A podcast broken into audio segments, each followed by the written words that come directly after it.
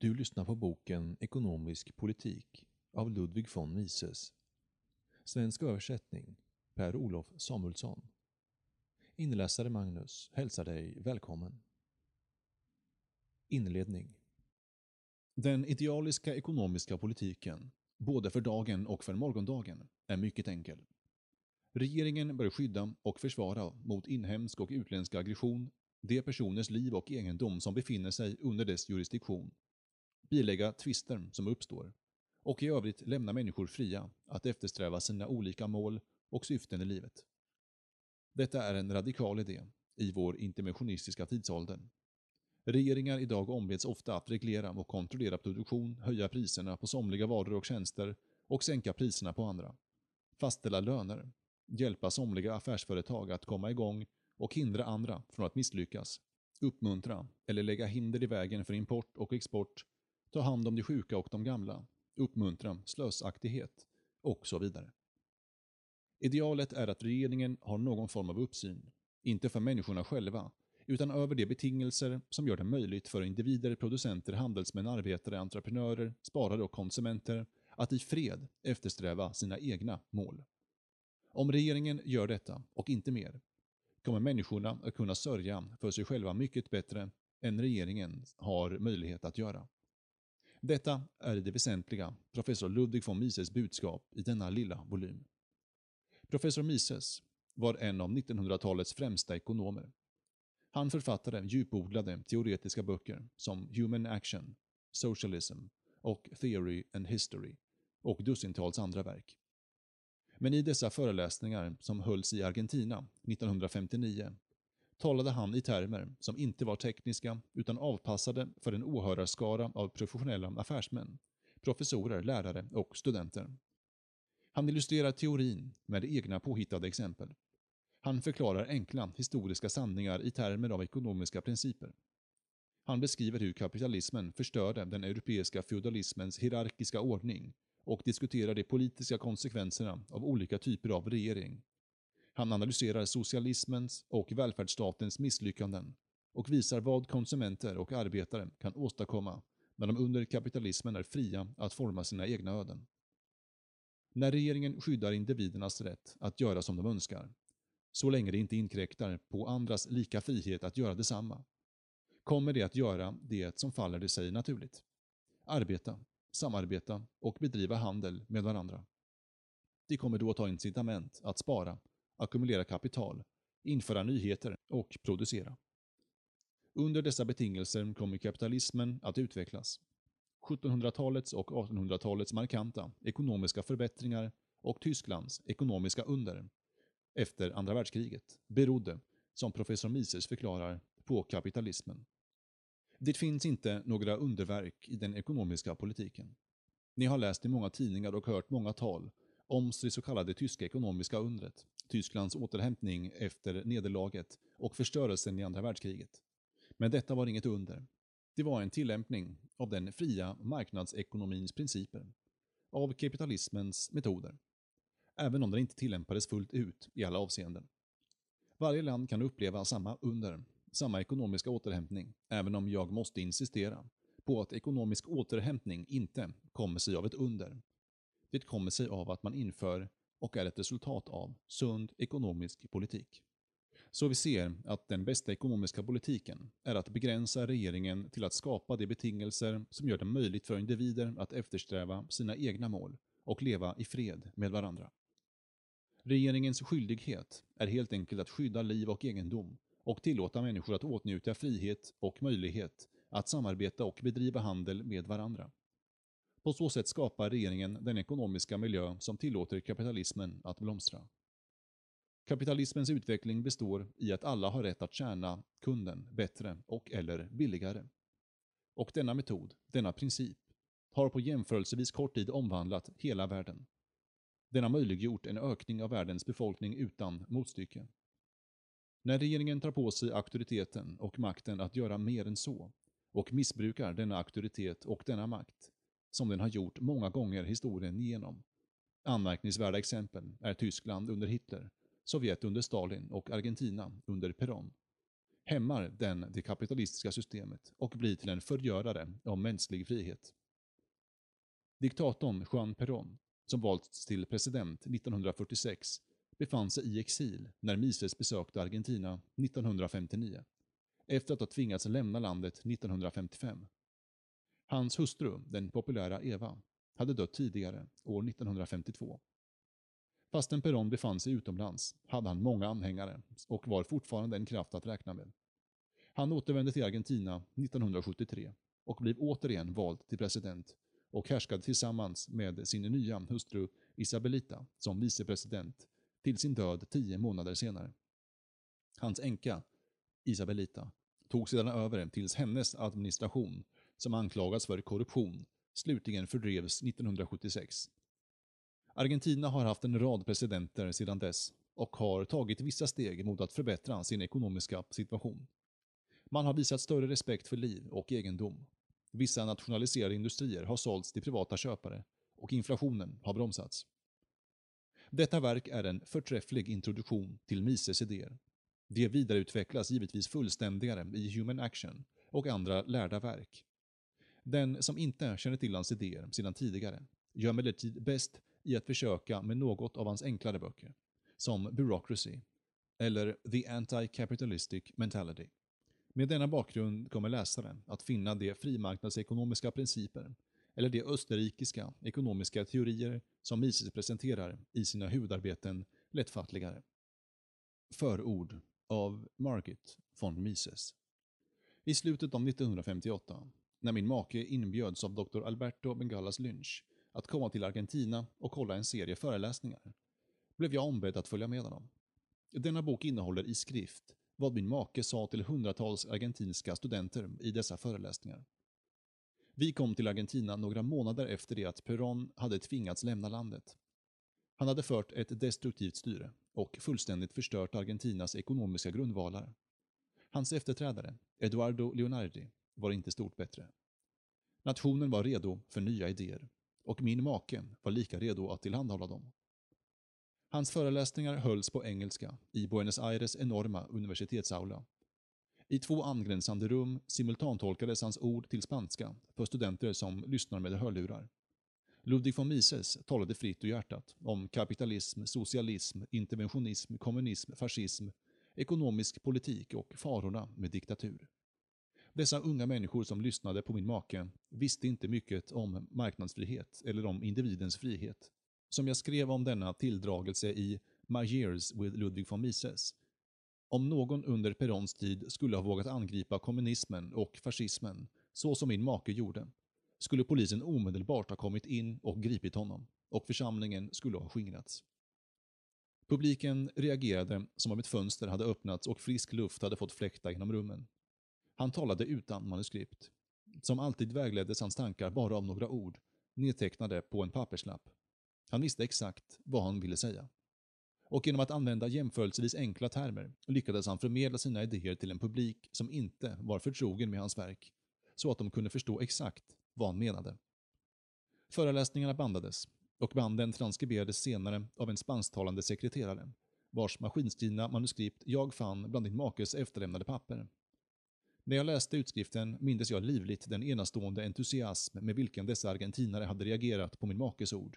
Och jag, som ju inte är ekonom, tänkte att dessa föreläsningar inför en publik av lekmän i Sydamerika var mycket lättare att förstå än många av Ludwig von Mises mera teoretiska skrifter. Jag tyckte att det innehöll så mycket värdefullt material, så många viktiga tankar för nutiden och för framtiden, att det borde göras tillgängliga för allmänheten. Eftersom min make aldrig hade gått igenom utskriften av sina föreläsningar för att publicera dem i bokform, blev det min uppgift att göra det. Jag har varit mycket noga med att behålla varje menings innebörd exakt, att inte ändra någonting av innehållet och att bibehålla alla de uttryck som min make ofta använde och som är så välbekanta för hans läsare. Mitt enda bidrag har varit att dra ihop meningarna och ta bort många av de små ord som man använder i informellt tal. Om mitt försök att omvandla dessa föreläsningar till en bok har lyckats är det endast tack vare att jag med varje mening hörde min makes röst. Jag hörde honom tala. Han var levande för mig. Levande i hur klart han demonstrerade ondskan och farligheten i allt för mycket regering. Hur mycket och lättfattligt han förklarade skillnaderna mellan diktatur och interventionism. Med vilken spiritualitet han talade om viktiga historiska personligheter. Med hur få anmärkningar han lyckades levandegöra gångna tider. Jag vill ta tillfället i akt att tacka min gode vän George Cawther för hans hjälp med denna uppgift. Hans redaktionella erfarenhet och hans förståelse om min makes teorier har varit till stor hjälp för denna bok. Jag hoppas att dessa föreläsningar inte bara kommer att läsas av forskare, utan också av min makes många beundrare bland icke-ekonomer. Och jag hoppas uppriktigt att denna bok kommer att göras tillgänglig för yngre läsare, speciellt gymnasister och studenter världen över. Margit von Mises, New York, juni 1979. Första föreläsningen. Kapitalismen.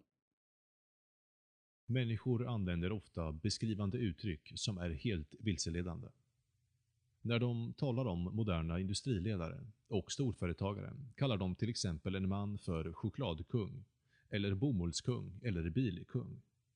Att de uttrycker sig på det sättet innebär att de praktiskt taget inte ser någon skillnad mellan moderna industriledare och äldre tiders feodala kungar, hertigar eller länsherrar. Men skillnaden är i själva verket mycket stor.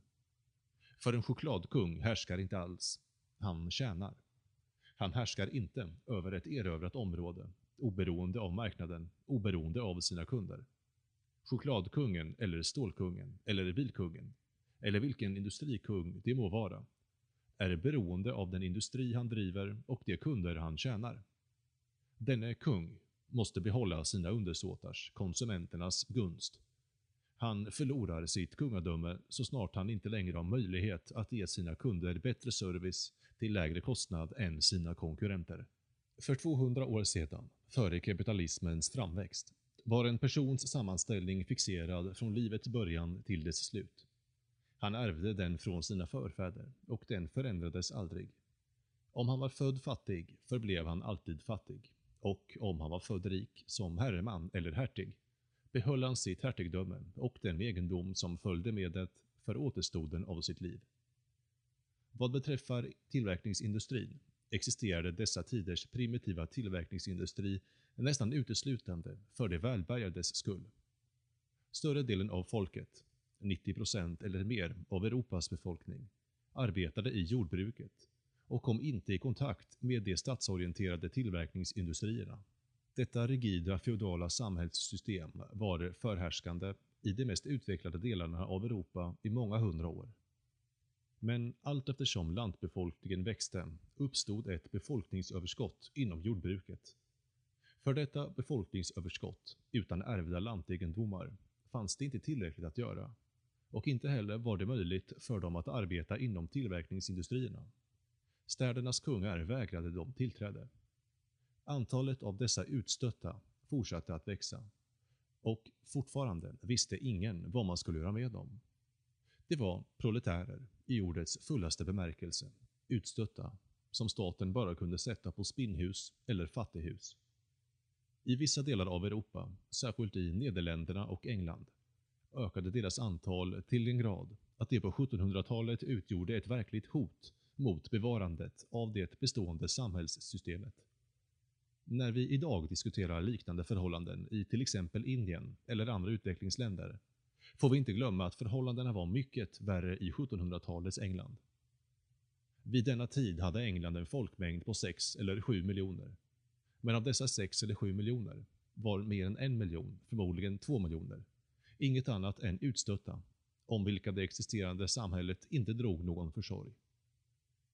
Vad man skulle göra med dessa utstötta var ett av de stora problemen i 1700-talets England. Ett annat stort problem var råvarubristen. Britterna måste på fullaste allvar ställa sig frågan vad ska vi göra i framtiden när våra skogar inte längre ger oss den ved vi behöver för våra industrier och för att värma våra hus? För de härskande klasserna var det en desperat situation. Statsmännen visste inte vad de skulle göra och den härskande lantadeln hade inte den blekaste aning om hur förhållandena skulle förbättras. Det var i denna allvarliga situation som den moderna kapitalismen först började framträda. Det fanns bland dessa fattiga och utstötta vissa personer som försökte organisera andra och upprätta små verkstäder där de kunde producera någonting. Detta var en innovation och innovatörerna producerade inte dyrbara varor, lämpade enbart för överklassen. De producerade billigare varor för allas behov. Och detta var upphovet till kapitalismen, så som den fungerar idag. Det var början till massproduktion, den kapitalistiska industrins grundprincip, medan de gamla tillverkningsindustrierna som betjänade de rika i städerna nästan uteslutande existerade för överklassens behov började de nya kapitalistiska industrierna producera saker som kunde köpas av de breda befolkningslagren. Detta innebar massproduktion för att tillgodose massornas behov. Detta är den grundläggande principen för kapitalismen, så som den existerar idag i alla de länder där det finns ett högt utvecklat system för massproduktion. Storföretagen, som utgör skottavla för de mest fanatiska angrepp från den så kallade vänsterns sida, producerar nästan uteslutande för att tillgodose massornas behov. Företag som endast producerar lyxvaror för de välbärgade kan aldrig nå upp till storföretagens storlek. Och idag är det de människor som arbetar på de stora fabrikerna som är de huvudsakliga konsumenterna av de produkter som tillverkas på dessa fabriker. Detta är den grundläggande skillnaden mellan de kapitalistiska produktionsprinciperna och äldre tiders feodala principer. När människor antar eller hävdar att det är en skillnad mellan producenterna och konsumenterna av storföretagens produkter tar de helt miste. På amerikanska varuhus hör man slagordet “kunden har alltid rätt” och denne kund är samma person som på fabriken producerar de saker som säljs i varuhusen. De som tror att storföretagens makt är enorm tar också miste eftersom ett storföretag är helt beroende av deras ynnest som köper deras produkter. Det största företag förlorar sin makt och sitt inflytande när det förlorar sina kunder. För 50 eller 60 år sedan sades det i nästan alla kapitalistiska länder att järnvägsbolagen var för stora och för mäktiga. De hade monopol. Det var omöjligt att konkurrera med dem. Man menade att kapitalismen inom transportsektorn redan hade nått ett stadium där den hade förstört sig själv, eftersom den hade eliminerat konkurrensen. Vad man förbisåg var att järnvägarnas makt var beroende av deras förmåga att betjäna människor bättre än någon annan transportmetod. Det skulle förstås ha varit löjeväckande att försöka konkurrera med något av dessa stora järnvägsbolag genom att bygga en ny järnväg parallellt med den gamla banan eftersom den gamla banan var fullt tillräcklig för att tillgodose existerande behov. Men mycket snart kom det andra konkurrenter. Konkurrensfriheten betyder inte att man måste lyckas genom att helt enkelt imitera eller exakt kopiera vad någon annan har gjort. Pressfrihet betyder inte att man har rätt att kopiera vad någon annan har skrivit och därigenom tillskansa sig den framgång som den andra rätteligen har gjort sig förtjänt av, tack vare vad han själv har åstadkommit. Det betyder att man har rätt att skriva något annat. Konkurrensfrihet i fråga om exempelvis järnvägar betyder att det står en fritt att uppfinna något eller göra något som utmanar järnvägarna och försätter dem i en mycket vansklig konkurrenssituation. I Förenade Staterna har konkurrensen med järnvägarna, i form av bussar, bilar, långtradare och flyg, vållat avbräck för järnvägarna och vad gäller passagerartrafik nästan fullständigt besegrat dem. Kapitalismens utveckling består i att alla har rätt att tjäna kunden bättre och eller billigare. Och denna metod, denna princip, har på jämförelsevis kort tid omvandlat hela världen. Den har möjliggjort en ökning av världens folkmängd utan tidigare motstycke. I 1700-talets England kunde landet endast försörja 6 miljoner människor med mycket låg levnadsstandard. Idag åtnjuter mer än 50 miljoner människor mycket högre levnadsstandard än vad ens de rika gjorde under 1700-talet.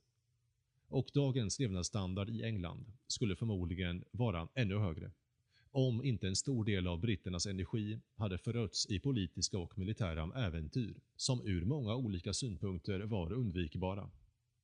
Detta är fakta om kapitalismen. Så om en engelsman, eller för den delen vem som helst i vilket land som helst, idag säger till sina vänner att han är motståndare till kapitalismen, finns det ett utmärkt svar att ge honom. Du vet att folkmängden på denna planet nu är tio gånger större än den var i förkapitalistisk tid. Och du vet ju också att alla människor idag åtnjuter högre levnadsstandard än vad dina förkapitalistiska förfäder gjorde. Men hur vet du att du själv tillhör den tiondel som skulle ha överlevt om inte kapitalismen finns? Blotta det faktum att du idag lever är ett bevis för att kapitalismen har lyckats, vare sig du sätter värde på ditt liv eller ej. Trots alla sina fördelar har kapitalismen blivit våldsamt angripen och kritiserad. Det är nödvändigt att vi förstår upprinnelsen till denna antipati. Det är ett faktum att hatet mot kapitalismen inte uppstod hos massorna, inte bland arbetarna själva, utan hos den landägande aristokratin, Englands och kontinentaleuropas lantadel. De gav kapitalismen skulden för något som inte var särskilt behagligt för dem. Vid början av 1800-talet tvingades lantalden av de högre löner som industrin betalade sina arbetare att betala lika mycket högre löner till sina lantarbetare. Aristokratin angrep industrierna genom att kritisera arbetsmassornas levnadsstandard. Ur vår synvinkel var förstås arbetarnas levnadsstandard extremt låg. Förhållandena under kapitalismens tidiga dagar var absolut chockerande. Men inte därför att de nyutvecklade kapitalistiska industrierna hade skadat arbetarna. De människor som lejdes att arbeta på fabrikerna hade redan existerat på praktiskt taget undermänsklig nivå. Den ryktbara, hundratals gånger upprepade skrönan att fabrikerna anställde kvinnor och barn och att dessa kvinnor och barn, innan de började arbeta i fabrikerna, hade levt under tillfredsställande förhållanden är en av historiens största osanningar. De mödrar som arbetade i fabrikerna hade inte haft någon mat att laga. De lämnade inte sina hem och kök för att bege sig till fabrikerna. De begav sig till fabrikerna därför att de inte hade några kök. Och om de hade kök hade de ingen mat att laga till i köket. Och barnen kom inte från komfortabla barnkammare. De var döende av svält. Och allt prat om den tidiga kapitalismens så kallade outsägliga fasor kan vederläggas med en enda statistisk uppgift. Just under den tid då den brittiska kapitalismen utvecklades, just under den tid som kallas för den industriella revolutionen i England, tiden från 1760 till 1830, just under dessa år fördubblades Englands folkmängd. Vilket innebär att hundratals eller tusentals barn, som i äldre tid skulle ha dött, överlevde och växte upp till män och kvinnor. Det råder ingen tvivel om att förhållandena under den föregående epoken var mycket otillfredsställande. Det var den kapitalistiska företagsamheten som förbättrade dem. Det var just dessa tidiga fabriker som tillgodosåg sina arbetares behov, antingen direkt eller också indirekt, genom att exportera produkter och importera livsmedel och råvaror från andra länder. Tid efter annan har kapitalismens tidiga historiker man kan knappast använda ett mildare uttryck, förfalskat historien. En anekdot som de brukar berätta, det är mycket möjligt att den är uppdiktad, handlade om Benjamin Franklin. Enligt denna historia besökte Ben Franklin ett bomullsspinneri i England och spinneriägaren sa till honom full av stolthet. Titta, här har vi bomullsvaror för Ungern. Benjamin Franklin såg sig omkring märkte att arbetarna var klädda i trasor och sa “Varför producerar ni inte också för era egna arbetare?” Men den export fabriksägaren talade om betydde att han faktiskt producerade för sina egna arbetare, eftersom England måste importera alla sina råvaror. Det finns ingen bomull vare sig i England eller på kontinenten. Det rådde livsmedelsbrist i England och livsmedel måste importeras från Polen, från Ryssland, från Ungern. Denna export utgjorde betalning för den livsmedelsimport som gjorde den brittiska befolkningens överlevnad möjlig. Många exempel från denna tids historia visar lantadelns och aristokratins inställning till arbetarna. Jag vill bara ge två exempel. Den ena är det berömda brittiska Seed and Land-systemet. Enligt detta system betalade brittiska staten alla arbetare som inte erhöll minimilön, skillnaden mellan den lön de fick och minimilönen. Detta besparade lantadeln besväret att betala höga löner. Godsägarna fick betala den traditionellt låga jordbrukslönen och staten kompletterade den. Och på så sätt avhöll man arbetarna från att lämna sin sysselsättning i jordbruket och söka anställning i städernas fabriker. 80 år senare, efter det att kapitalismen expanderat från England till kontinenten, reagerade lantadeln återigen mot det nya produktionssystemet. I Tyskland uppfann de preussiska junkrarna, vilka hade förlorat många arbetare till de högre betalande kapitalistiska industrierna, ett specialuttryck för problemet. Landsflucht. Flykten från landsbygden. Och i tyska riksdagen diskuterade man vad man kunde göra mot denna onda, ty som ett ont betraktades det av lantadeln. Först Bismarck, tyska rikets berömde kansler, sa en dag i ett tal. Jag träffade en man i Berlin som en gång hade arbetat på mitt gods och jag frågade honom Varför har ni lämnat godset? Varför har ni flyttat från landet? Varför bor ni nu i Berlin? Och enligt Bismarck svarade mannen Det finns ingen Biergarten i byn som är lika fin som den vi har här i Berlin, där man kan sitta och dricka öl och lyssna på musik. Den här historien är förstås berättad ur först Bismarcks, arbetsgivarens, synvinkel. Det var inte alla hans anställdas synvinkel. Det blev industriarbetare därför att industrin betalade dem högre löner och gav dem en tidigare oanad levnadsstandard. I de kapitalistiska länderna idag är det relativt liten skillnad i de grundläggande levnadsvillkoren mellan de så kallade högre och lägre klasserna. Båda har mat, kläder och husrum. Men på 1700-talet och tidigare var skillnaden mellan en person ur medelklassen och en person ur underklassen att förre hade skor och den senare inte hade skor. I Förenta Staterna idag betyder skillnaden mellan rik och fattig mycket ofta bara skillnaden mellan en Cadillac och en Chevrolet. Chevrolet är kanske köpt begagnad, men i grund och botten gör den sin ägare samma tjänst. Han kan också ta sig från en punkt till en annan. Mer än 50% av Förenta Staternas befolkning bor i hus eller lägenheter som de själva äger. Angreppen mot kapitalismen, speciellt vad gäller de högre lönerna, utgår från det falska antagandet att lönerna i sista hand betalas av andra människor än de som är anställda i fabrikerna. Det är helt i sin ordning att ekonomer och de som studerar ekonomiska teorier gör en distinktion mellan arbetare och konsument. Men faktum är att varje konsument på ett eller annat sätt måste förtjäna de pengar han gör av med. Och det överväldigande flertalet konsumenter är exakt samma människor som arbetar som anställda i de företag som producerar det som konsumenterna konsumerar. Lönerna under kapitalismen bestäms inte av en klass av människor skild från löntagarklassen. Det rör sig om samma människor. Det är inte filmbolaget i Hollywood som betalar en filmstjärnas lön. Det är de som betalar biobiljetterna. Det är inte arrangören av en boxningsmatch som betalar proffsboxarnas enorma gager. Det är det som betalar biljett till matchen. I den ekonomiska teorin gör man en distinktion mellan arbetsgivare och arbetstagare. Men det är inte en distinktion i verkliga livet. Här är arbetsgivare och arbetstagare i sista hand en och samma person. Det finns i många länder människor som tycker att det är mycket orättvist att en familjeförsörjare med flera barn får samma lön som en person som bara har sig själv att ta hand om. Men frågan är inte om arbetsgivaren bör ta på sig ett större ansvar för storleken av en arbetares familj. Den fråga vi här i fallet måste ställa oss är denna. Är du som individ beredd att betala mer för någonting? Till exempel en limpa bröd. Om du får veta att den som producerat denna brödlimpa har sex barn. En ärlig människa svarar säkert lekande och säger i princip skulle jag nog det, men i verkligheten skulle jag hellre köpa bröd som producerats av någon som inte har några barn.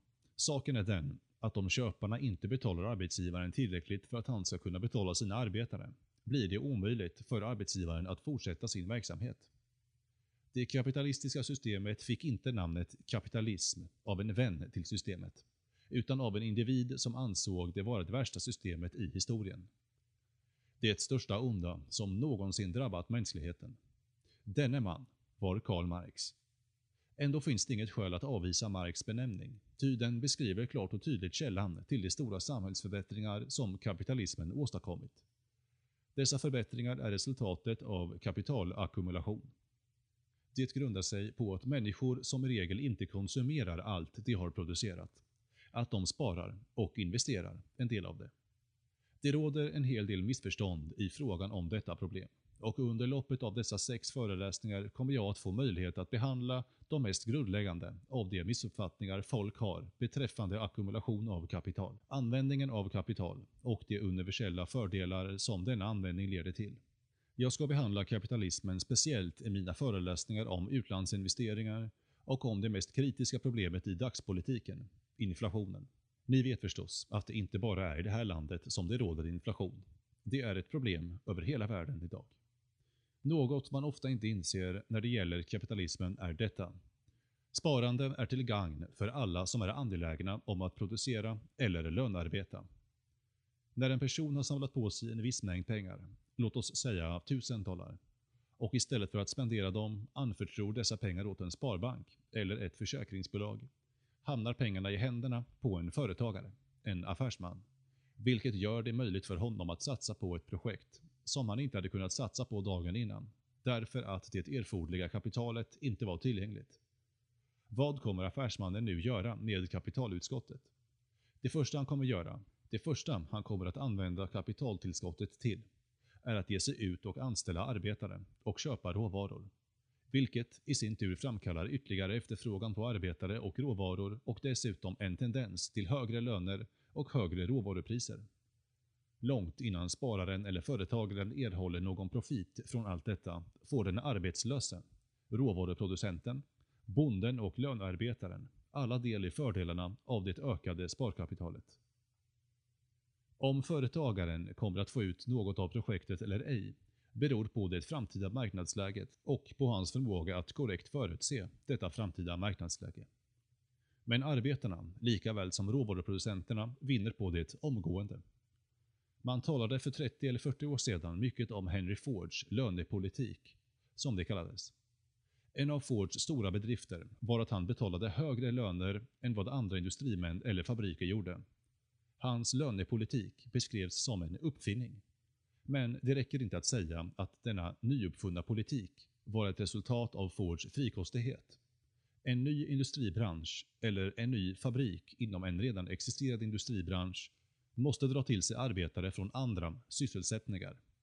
Från andra delar av landet, ja, till och med från andra länder. Och det enda sättet att göra detta är att erbjuda arbetarna högre lön för sitt arbete. Det var detta som skedde i kapitalismens barndom och som fortfarande sker idag. När fabriksägarna i Storbritannien först började framställa bomullsvaror betalade de sina arbetare mer än vad de tidigare hade tjänat. Givetvis hade en stor del av dessa nyarbetare inte tjänat någonting alls dessförinnan och var beredda att ta vad det än erbjöds. Men efter en kort tid, när mer och mer kapital ackumulerades och fler och fler nya företag utvecklades, steg lönerna. Och resultatet blev den makalösa ökning av den brittiska folkmängden som jag förut talade om. Somligas hånfulla beskrivning av kapitalismen som ett system avsett att göra de rika rikare och de fattiga fattigare är fel från början till slut.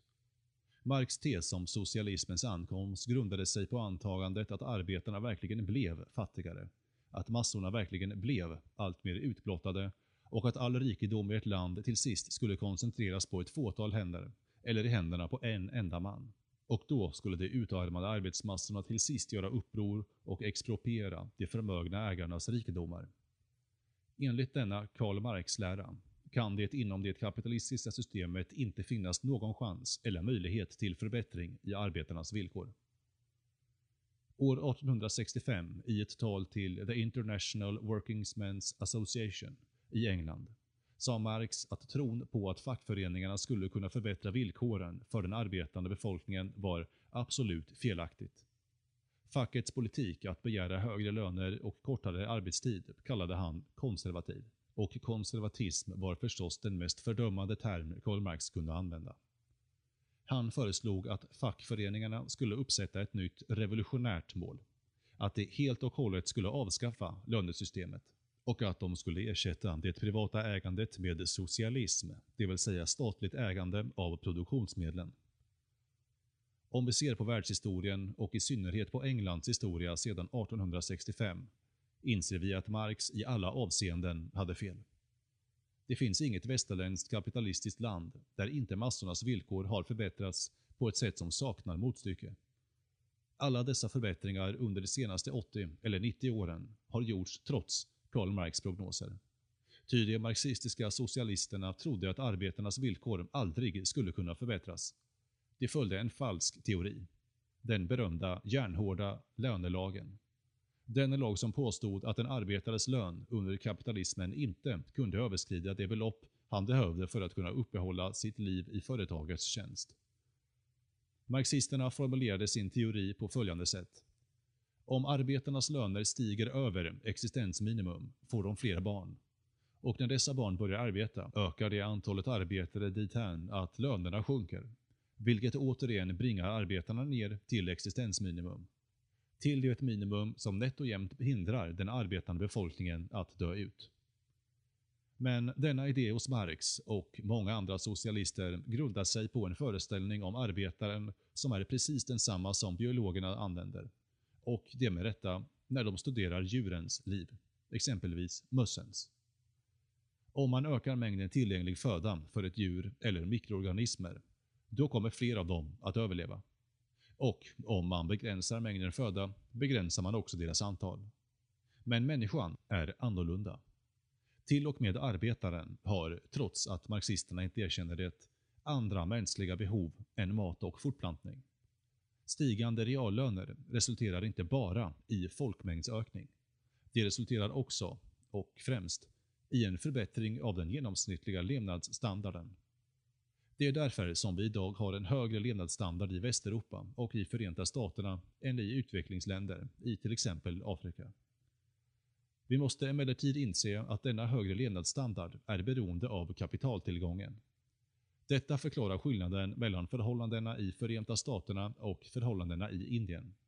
Moderna metoder att bekämpa smittsamma sjukdomar har införts i Indien, åtminstone i viss omfattning, och effekten har blivit en folkmängdsökning utan motstycke. Men eftersom denna folkmängdsökning inte har återföljts av en motsvarande ökning av mängden investerat kapital, har resultatet blivit ökad fattigdom. Ett land ökar sitt välstånd i proportion till ökningen av det kapital som investeras per enhet av dess befolkning. Jag hoppas att jag i mina senare föreläsningar ska få möjlighet att behandla dessa problem mer i detalj och att jag ska kunna klargöra dem ytterligare, eftersom vissa termer, till exempel investerat kapital per capita, fordrar en ganska detaljerad förklaring. Men ni måste komma ihåg att det inte finns några underverk i den ekonomiska politiken. Ni har läst många tidningar och hört många tal om det så kallade tyska ekonomiska undret, Tysklands återhämtning efter nederlaget och förstörelsen i andra världskriget. Men detta var inget under. Det var en tillämpning av den fria marknadekonomins principer, av kapitalismens metoder, även om det inte tillämpades fullt ut i alla avseenden. Varje land kan uppleva samma under, samma ekonomiska återhämtning, även om jag måste insistera på att ekonomiska återhämtningar inte kommer av under. Det kommer sig av att man inför, och är ett resultat av, sund ekonomisk politik.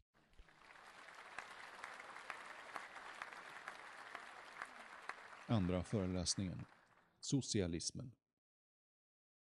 Jag är här i Buenos Aires som gäst hos Instituto por la Economia Libre. Vad är Economia Libre? Vad betyder detta system av ekonomisk frihet? Svaret är enkelt. Det betyder marknadsekonomi. Det är det system i vilket individerna samverkar i den sociala arbetsdelningen genom marknaden. Denna marknad är inte någon plats, det är en process. Det är det sätt på vilket individerna, genom att sälja och köpa, genom att producera och konsumera, bidrar till samhällets funktion som helhet.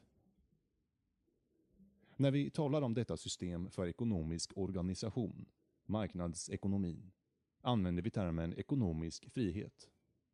Mycket ofta missförstår folk dess innebörd. De tror att ekonomisk frihet är något helt skilt från andra friheter och att dessa andra friheter som de håller för viktigare, kan bevaras även i avsaknad av ekonomisk frihet. Innebörden av ekonomisk frihet är denna. Att individen har möjlighet att välja hur han vill integrera sig själv i samhället som helhet. Individen kan välja levnadsbana. Han är fri att göra vad han vill göra. Jag menar förstås inte detta i den bemärkelse av ordet frihet som många använder idag, utan snarare i den bemärkelsen att människan genom ekonomisk frihet är befriad från de betingelser som råder i den övriga naturen. I naturen finns det ingenting som kan kallas frihet. Det enda som finns är regelmässigheten hos naturlagarna, vilka människan måste lyda om hon vill uppnå någonting. När vi tillämpar termen frihet på mänskliga varelser tänker vi bara på frihet inom samhället. Men idag anser många att de sociala friheterna är oberoende av varandra. De som idag kallar sig liberaler kräver politiska åtgärder som är raka motsatsen till de som 1800-talsliberalerna förespråkade i sina liberala program. Dagens så kallade liberaler har den mycket populära idén att yttrande, tanke och prisfrihet, religionsfrihet, frihet från att fängslas utan rättegång, att alla dessa friheter kan bevaras i avsaknad av det som kallas ekonomisk frihet. De inser inte att i ett system där det inte finns någon marknad, där regeringen styr allting, är alla dessa andra friheter illusoriska, även om de är lagfästa och finns nedskrivna i konstitutionen. Låt oss ta en frihet, pressfriheten. Om regeringen äger alla tryckpressar bestämmer den vad som ska tryckas och vad som inte ska tryckas. Och om regeringen äger alla tryckpressar och bestämmer vad som får och inte får tryckas, då blir möjligheten att trycka något som helst argument mot regeringens idéer praktiskt taget obefintlig. Pressens frihet försvinner. Och det är likadant med alla de andra friheterna. I en marknadsekonomi har individen frihet att välja vilken levnadsbana han vill följa. Att välja sitt eget sätt att integrera sig i samhället. Men i ett socialistiskt system är det inte så. Hans levnadsbana bestäms av statliga dekret. Regeringen kan ge personer som den ogillar, som den inte vill ska bo i vissa regioner, order om att flytta till andra regioner och andra platser. Och regeringen är alltid i stånd att rättfärdiga och förklara detta tillvägagångssätt genom att tillkännage att den statliga planen fordrar denna eminente medborgares närvaro tusen mil bort från den plats där han skulle kunna vara en vagel i ögat för de makthavande. Det är sant att den frihet en människa kan ha i en marknadsekonomi inte är en fullkomlig frihet ur en metafysisk synvinkel. Men det finns ingenting sådant som fullkomlig frihet. Frihet betyder något endast inom samhällets ramar. De 1700-talsförfattare som talade om naturrätt, framförallt Jean-Jacques Rousseau, trodde att människorna en gång i tiden åtnjöt någonting som kallades naturlig frihet. Men i denna grå forntid var människorna inte fria. De var utlämnade på nåd och onåd åt var och en som var starkare än det. Rousseaus berömda ord “människan är född fri, men överallt finner vi henne i bojor” låter för all del bra. Men faktum är att människan inte är född fri. Människan föds som ett mycket svagt dibarn, utan sina föräldrars skydd och utan det skydd som föräldrarna får av samhället skulle hon inte kunna bevara sitt liv. Frihet i samhället betyder att en människa är lika beroende av andra människor som andra är beroende av henne. Ett samhälle med marknadsekonomi, en economia libre, innebär att var och en tjänar sina medmänniskor och i sin tur tjänas av dem. Folk tror att det i marknadsekonomin finns pampar som är oberoende av andra människors stöd och goda vilja. De tror att industriledarna, affärsmännen, företagarna är de verkliga pamparna i det ekonomiska systemet. Men detta är en illusion. De verkliga pamparna i det ekonomiska systemet är konsumenterna. Och om konsumenterna upphör att gynna en affärsbransch tvingas dessa affärsmän att antingen överge sin framträdande ställning i det ekonomiska systemet eller också anpassa sitt handlande efter konsumenternas önskningar och order. En av kommunismens mest välkända propagandister var Lady Passfield, född Beatrice Potter, men mer känd som maka till Sidney Webb. Denna dam var dotter till en förmögen affärsman och i sina första vuxenår arbetade hon som sin fars sekreterare. I sina memoarer skriver hon citat. I min fars firma måste alla lyda de order som gavs av min far, chefen. Han var den enda som gav order. Ingen gav honom några order. Slutcitat. Detta är en mycket kortsynt uppfattning. Hennes far fick order av konsumenterna, av köparna. Tyvärr kunde hon inte se dessa order. Hon kunde inte se vad som sker i en marknadsekonomi eftersom hon bara var intresserad av de order som gavs inom hennes fars kontor eller hans fabrik. I fråga om alla ekonomiska problem måste vi ha i åtanke vad den store franska ekonomen Frédéric Bastiat sa när han gav en av sina lysande essäer titeln Vad man ser och vad man inte ser. För att förstå hur ett ekonomiskt system fungerar får vi inte bara behandla de saker som man kan se, utan vi måste också uppmärksamma de saker som man inte kan förnimma direkt. Till exempel kan en order som chefen ger till en kontorspojke höras av alla som är närvarande i rummet. Vad som inte kan höras är de order chefen får av sina kunder. Faktum är att under det kapitalistiska systemet är det i sista hand konsumenterna som bestämmer. Det är inte regeringen som är suverän, det är folket. Beviset för att konsumenterna är suveräna ligger i det att de har rätt att bära sig dumt åt. Detta är suveränens privilegium. Han har rätt att göra misstag. Ingen kan hindra honom från att göra dem. Men han måste givetvis betala för sina misstag. Om vi kallar konsumenten allenarådande eller suverän säger vi inte därmed att konsumenten är felfri. Att han alltid vet vad som skulle vara bäst för honom. Konsumenterna köper eller konsumerar ofta saker som de inte borde köpa eller konsumera.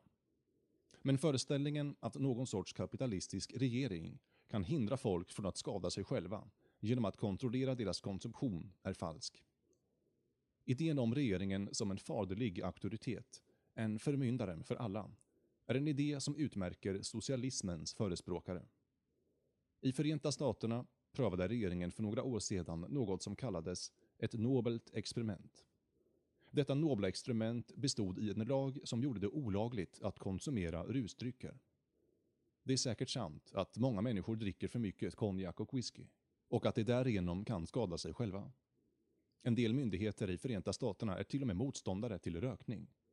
Säkert finns det många människor som röker för mycket och som röker trots att det skulle vara bättre för dem att inte röka.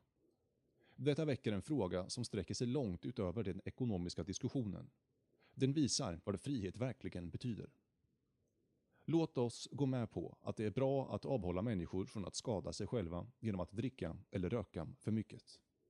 Men när vi väl har medgett detta kommer andra frågan. Är kroppen allt? Är inte människans själ mycket viktigare? Är inte själslivet människans verkliga gudagåva? Är det inte det som verkligen gör henne till människa? Om man ger regeringen rätt att bestämma vad människokroppen ska konsumera, att bestämma om den ska röka eller inte röka, dricka eller inte dricka, finns det inget bra svar att ge dem som säger citat mycket viktigare än kroppen är tanken och själen. Och människan skadar sig själv mycket mer genom att läsa dåliga böcker, genom att lyssna på dålig musik och titta på dåliga filmer. Därför är det regeringens plikt att hindra människorna från att begå dessa fel. Slutcitat. Och som ni vet har regeringar och myndigheter i hundratals år trott att detta verkligen var deras plikt. Inte heller skedde detta endast i den grå forntiden. För inte så länge sedan hade man i Tyskland en regering som betraktade den som sin plikt att skilja mellan bra och dåliga målningar.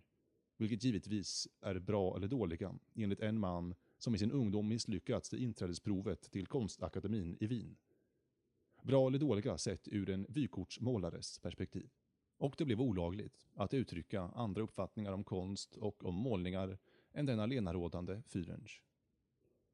Har du väl gått med på att det är regeringens plikt att kontrollera din alkoholkonsumtion? Vilket svar kan du då ge dem som säger att kontroll över böcker och idéer är mycket viktigare? Frihet betyder i verkligheten frihet att göra misstag. Detta måste vi inse. Vi må vara ytterst kritiska mot hur våra medmänniskor spenderar sina pengar och lever sina liv. Vi må tycka att det de gör är alltigenom dåraktigt och dåligt. Men i ett fritt samhälle finns det många sätt för folk att vädra sina åsikter om hur deras medmänniskor bör ändra sin livsstil. De kan skriva böcker eller artiklar. De kan hålla tal. De kan till och med predika i gathörnen om de så önskar. Och i många länder gör de det. Men de får inte försöka övervaka andra för att hindra dem från att göra vissa saker. Bara för att de själva inte vill att dessa andra ska ha friheten att göra det. Detta är skillnaden mellan slaveri och frihet. Slaven måste göra vad hans överordnade beordrar honom att göra. Men den frie medborgaren, och detta är vad frihet betyder, har möjlighet att välja hur han själv vill leva. Visst kan detta kapitalistiska system missbrukas, och missbrukas också av somliga människor. Visst är det möjligt att göra saker som inte borde göras. Men om dessa saker gillas av en majoritet av folket, då har den som ogillar det alltid ett sätt att försöka få sina medmänniskor att ändra sig. Han kan försöka övertala och övertyga dem, men han får inte försöka tvinga dem med maktmedel, genom att bruka statens polismakt. I marknadsekonomin tjänar var och en sina medmänniskor genom att tjäna sig själv. Det var detta som 1700-talets liberala författare hade i åtanke när de talade om harmonin mellan alla befolkningsgruppers intressen. Och det var denna lära om intresseharmoni som socialisterna opponerade sig emot. De talade om en oförsonlig intressekonflikt mellan olika grupper. Vad betyder detta? När Karl Marx i första kapitlet av kommunistiska manifestet, den lilla pamflett som utgjorde inledningen till hans socialistiska rörelse, hävdade att det rådde en oförsonlig konflikt mellan klasserna, kunde han inte illustrera sin tes med några andra exempel än sådana som hämtats från förhållandena i förkapitalistiska samhällen. I förkapitalistisk tid var samhället indelat i ärftliga statusgrupper, sådana som i Indien kallades kaster. I ett status eller ståndssamhälle föddes till exempel en människa inte som fransman.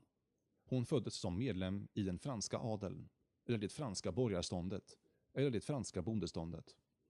Under större delen av medeltiden var hon helt enkelt träl.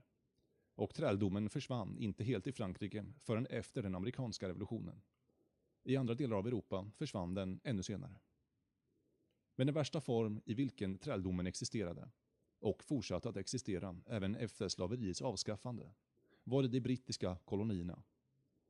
Individen ärvde sin ställning av sina föräldrar och behöll den under hela sitt liv. Han överförde den till sina barn. Varje grupp var antingen privilegierad eller missgynnad. Den högsta gruppen var enbart privilegierad. Den lägsta gruppen var enbart missgynnad. Och det fanns inget sätt för en människa att göra sig kvitt de legala missgynnandena som ålagts henne av hennes samhällsställning, annat än att utkämpa en politisk kamp mot de andra klasserna. Under sådana förhållanden kunde man säga att det rådde en oförsonlig intressekonflikt mellan slavägare och slavar. Ty vad slavarna önskade var att bli kvitt sitt slaveri, egenskapen att vara slavar. Detta betydde emellertid en förlust för ägarna. Därför råder inga tvivel om att denna oförsonliga intressekonflikt mellan medlemmarna av de olika klasserna måste existera. Man får inte glömma att i dessa tider, då ståndssamhällena var förhärskande i Europa, likaväl som i de kolonier européerna senare grundade i Amerika, kände människorna ingen speciell samhörighet med de andra klasserna inom sin egen nation. De kände mycket större samhörighet med medlemmarna av sin egen klass i de andra länderna. En fransk adelsman betraktade inte fransmän av lägre klass som sina landsmän. Det var en pöbel som han ogillade. Han betraktade endast andra länders adelsmän, till exempel Italiens, Englands eller Tysklands, som sina likar. Den synliga effekten av detta sakernas tillstånd var att aristokraterna i hela Europa använde samma språk. Och detta språk var franskan. Ett språk som utanför Frankrike inte förstods av andra befolkningsgrupper. Medelklassen, borgerskapet, hade sitt eget språk, medan underklassen, bönderna, använde lokala dialekter som mycket ofta inte begreps av andra befolkningsgrupper. Likadant var det med kläddräkten. När man år 1750 färdades från ett land till ett annat fann man att överklassen, aristokraterna, vanligen var klädda på samma sätt över hela Europa och man fann att underklassen klädde sig annorlunda.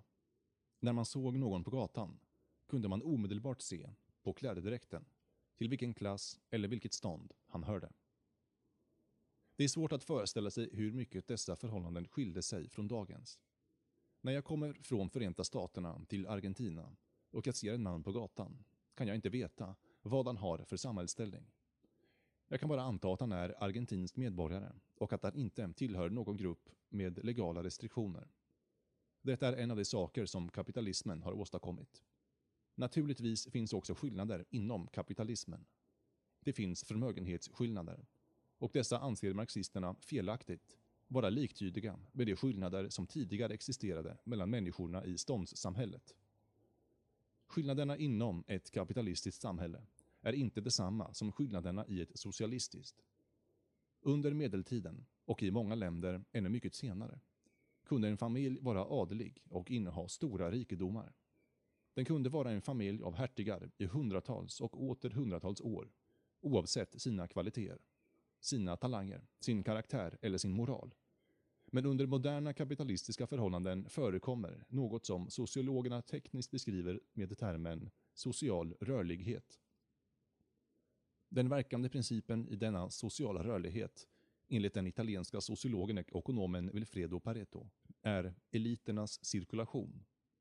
Detta betyder att det alltid finns människor som befinner sig på samhällsstegens topp, som är förmögna och har politiskt inflytande. Men att dessa människor, dessa eliter, kontinuerligt byts ut. Detta är fullkomligt sant i ett kapitalistiskt samhälle. Det var inte sant i ett förkapitalistiskt ståndssamhälle. De familjer som idag betraktas som Europas stora adliga familjer är ättlingar till familjer som varit främst i Europa för åtta eller tusen eller ännu flera år sedan. Kapitängerna av Bourbon, vilka härskade mycket länge här i Argentina, var ett kungahus så tidigt som på 900-talet. Dessa kungar härskade över det territorium som numera kallas Ile-France och härifrån utsträckte de sitt herravälde från generation till generation. Men i ett kapitalistiskt samhälle råder kontinuerlig rörlighet. Fattiga människor blir rika och ättlingar till dessa rika människor förlorar sin rikedom och blir fattiga. Idag såg jag i en bokhandel på en av Buenos Aires huvudgator en biografi över en affärsman som var så framträdande, så viktig, så karaktäristisk för det europeiska 1800-talets storföretagsamhet att det till och med i detta land, fjärran från Europa, fanns exemplar av hans biografi i bokhandeln. Jag råkar känna denne mans sonson. Han bär samma namn som sin farfar och har fortfarande rätt att bära den adelstiteln som hans farfar, som började sin bana som smed, erhållit för 80 år sedan. Idag är denne sonson en fattig fotograf i New York. Andra människor som var fattiga vid den tid då denne fotografs farfar blev en av Europas största industrimän, är idag industrimagnater. Var och en är fri att ändra sin samhällsställning. Detta är skillnaden mellan det gamla ståndssystemet och det kapitalistiska systemet med ekonomisk frihet, där var och en bara har sig själv att skylla om man inte når den ställning han önskar nå. 1900-talets hitintills mest berömda industriman är Henry Ford. Han började med några hundra dollar som han lånat av sina vänner och på mycket kort tid utvecklade han en av världens viktigaste storföretag. Och man kan upptäcka hundratals sådana fall varje dag.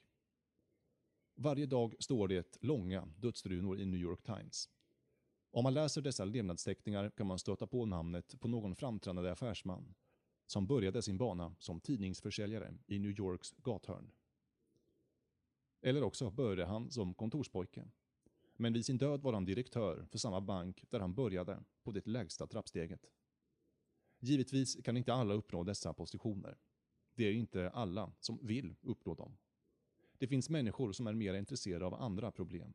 Och för dessa står andra vägar öppna idag, som inte stod öppna under feudalismens eller ståndssamhällets dagar. Men det socialistiska systemet förbjuder denna grundläggande frihet att välja sin egen levnadsbana. Under socialistiska förhållanden finns det bara en ekonomisk myndighet och denna har rätt att bestämma om allt som rör produktionen. Ett av de utmärkande dragen för vår tid är att folk använder många namn på samma sak. En synonym för socialism och kommunism är planering. När folk pratar om planering menar de förstås central planering, det vill säga en enda plan utarbetad av regeringen. En enda plan som hindrar alla utom regeringen att planera. En brittisk dam, som också är medlem av överhuset, har skrivit en bok som heter Plan or No Plan. En bok som blev mycket populär världen över. Vad betyder titeln på hennes bok? När hon säger plan menar hon bara den typ av plan som Lenin och Stalin och deras efterträdare tänker sig. Den typ som styr allt vad människan företar sig i en hel nation. Denna dam menar alltså en central plan som utesluter alla de personliga planer som individerna kan ha. Hennes titel Plan or No Plan är därför en illusion, en villa. Alternativet är inte en central plan eller ingen plan, utan en central statlig myndighets totalplan eller frihet för individerna att själva sköta sin planering. Individen planerar sitt liv varje dag och ändrar sina dagliga planer när helst han så önskar. Den fria människan planerar dagligen för sina behov. Hon säger till exempel Igår planerade jag att arbeta hela mitt liv i Cordoba. Nu får hon höra att förhållandena är mycket bättre i Buenos Aires. Så hon ändrar sina planer och säger Istället för att arbeta i Cordoba tänker jag bege mig till Buenos Aires. Och detta är vad frihet betyder. Det kan hända att hon tar miste. Det kan hända att det var ett misstag av henne att bege sig till Buenos Aires. Förhållandena kanske var bättre för henne i Cordoba. Men det var ändå hon själv som gjorde upp sina planer. Under statlig planering är hon som en soldat i en armé. Armésoldaten har inte rätt att välja garnison, att välja tjänstgöringsplats. Han måste lyda order och i det socialistiska systemet, vilket Karl Marx, Lenin och andra socialistiska ledare vetat om och medgett, består i att överföra arméreglementet till hela produktionssystemet. Marx talade om industriarméer och Lenin krävde att allting, posten, fabrikerna och de övriga industrierna, skulle organiseras med armén som modell. I det socialistiska systemet beror därför allting av deras visdom, talang och begåvning som utgör den högsta myndigheten. Det som den enväldige diktatorn, eller hans kommitté, inte vet tas inte med i beräkningen. Men den kunskap som mänskligheten har samlat på sig under sin långa historia kan inte förvärvas av alla. Vi har samlat på oss en sådan enorm mängd vetenskaplig och teknisk kunskap under århundradens lopp att det inte står i mänsklig makt för en enda individ att veta allt detta, även om han är ytterst begåvad. Och människor är olika och ojämlika. Det kommer alltid att vara det. Det finns människor som är mera begåvade på ett område och mindre begåvade på ett annat. Det finns människor som har begåvningen att finna nya vägar, att ändra kunskapens riktning. I kapitalistiska samhällen uppnås tekniskt och ekonomiskt framåtskridande genom sådana människor. Om en person har en idé försöker han finna några människor som är kloka nog att inse värdet av hans idé. Några kapitalister som vågar se in i framtiden och som inser de möjliga konsekvenserna av en sådan idé börjar omsätta den i verkligheten. Andra kanske till en början säger “det är dårar” men det slutar säkert när de upptäcker att deras företag, som de har kallat dåraktigt, blomstrar och att folk gärna köper deras produkter.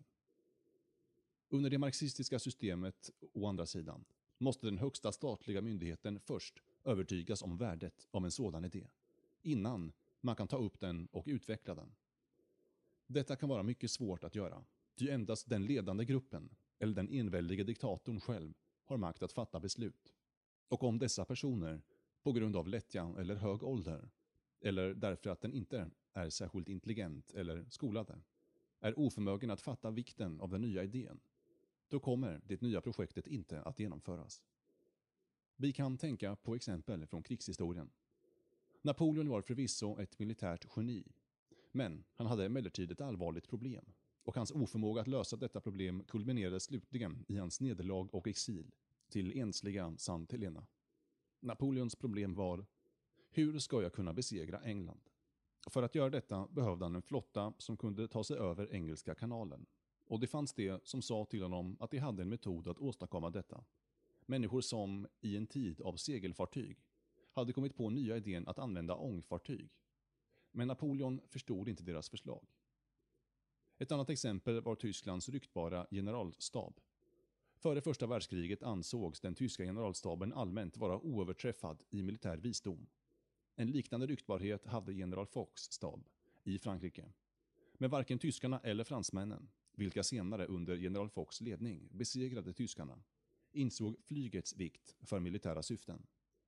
Den tyska generalstaben sa Flyget är bara ett nöje för de sysslolösa. Ur militär synvinkel är bara zeppelinarna viktiga. Och den franska generalstaben var av samma uppfattning. Senare under perioden mellan första och andra världskriget var det en general i Förenta Staterna som var övertygad om att flyget skulle bli mycket viktigt i nästa krig. Men alla andra experter i Förenta Staterna var emot honom. Han kunde inte övertyga dem. Om man måste övertyga en grupp människor som inte är direkt beroende av lösningen på ett problem kommer man aldrig att lyckas. Detta är också sant om icke-ekonomiska problem. Det har funnits målare, poeter, författare och kompositörer som har klagat över att allmänheten inte erkänt deras verk och fått dem att förbli fattiga. Visst må allmänheten ha dåligt omdöme.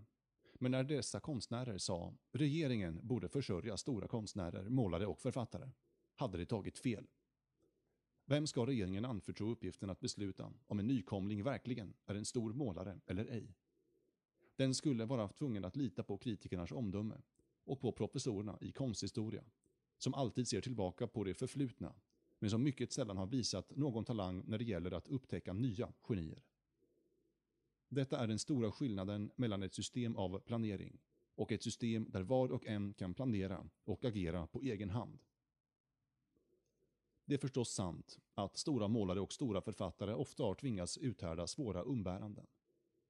De kanske hade lyckats i sin konst, men inte alltid med att tjäna pengar.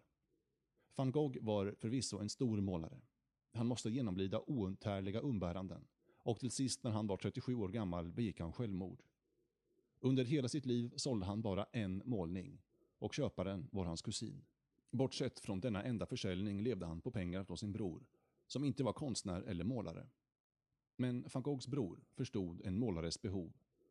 Idag kan man inte köpa en van Gogh för mindre än 100 eller 200 000 dollar. Under ett socialistiskt system kanske van Goghs öde hade gestaltat sig annorlunda.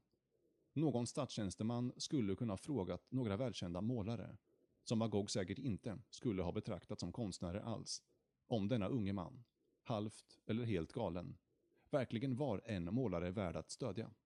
Och det skulle utan tvivel ha svarat. Nej, han är inte målare, han är inte konstnär. Han bara slösar med färg. Och det skulle ha skickat honom till ett mejeri eller ett mentalsjukhus. All denna entusiasm för socialismen hos den framväxande generationen målare, poeter, musiker, journalister och skådespelare grundar sig därför på en illusion. Jag nämner detta därför att dessa grupper, hör till den socialistiska idéns mest fanatiska anhängare. När det gäller att välja mellan socialism och kapitalism som ekonomiska system ställer sig problemet något annorlunda. Socialismens upphovsmän kom aldrig på tanken att den moderna industrin och all modern affärsverksamhet grundar sig på kalkyler. Ingenjörer är inte de enda som gör upp planer på grundval av kalkyler. Affärsmän måste också göra det och affärsmännens kalkyler grundar sig alla på det faktum att i marknadsekonomin informerar varornas penningpriser, inte bara konsumtionen, utan det ger också affärsmännen viktig information om produktionsfaktorerna. Ty marknadens huvudfunktion är inte bara att bestämma kostnaden för den sista delen av produktionsprocessen och överförandet av varor i konsumenternas händer, utan också kostnaden för de steg som leder fram dit. Hela marknadssystemet är oupplösligt förknippat med det faktum att det förekommer en mentalt kalkylerad arbetsdelning mellan de olika affärsmännen, vilka tävlar med varandra i att lägga bud på produktionsfaktorerna, råvaror, maskiner, verktyg och för den mänskliga produktionsfaktorn, arbetarnas löner.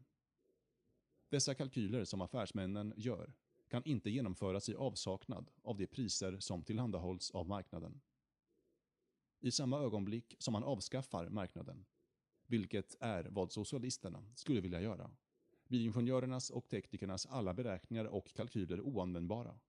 Teknikerna kan föreslå ett stort antal projekt som ur naturvetenskaplig synvinkel är lika genomförbara.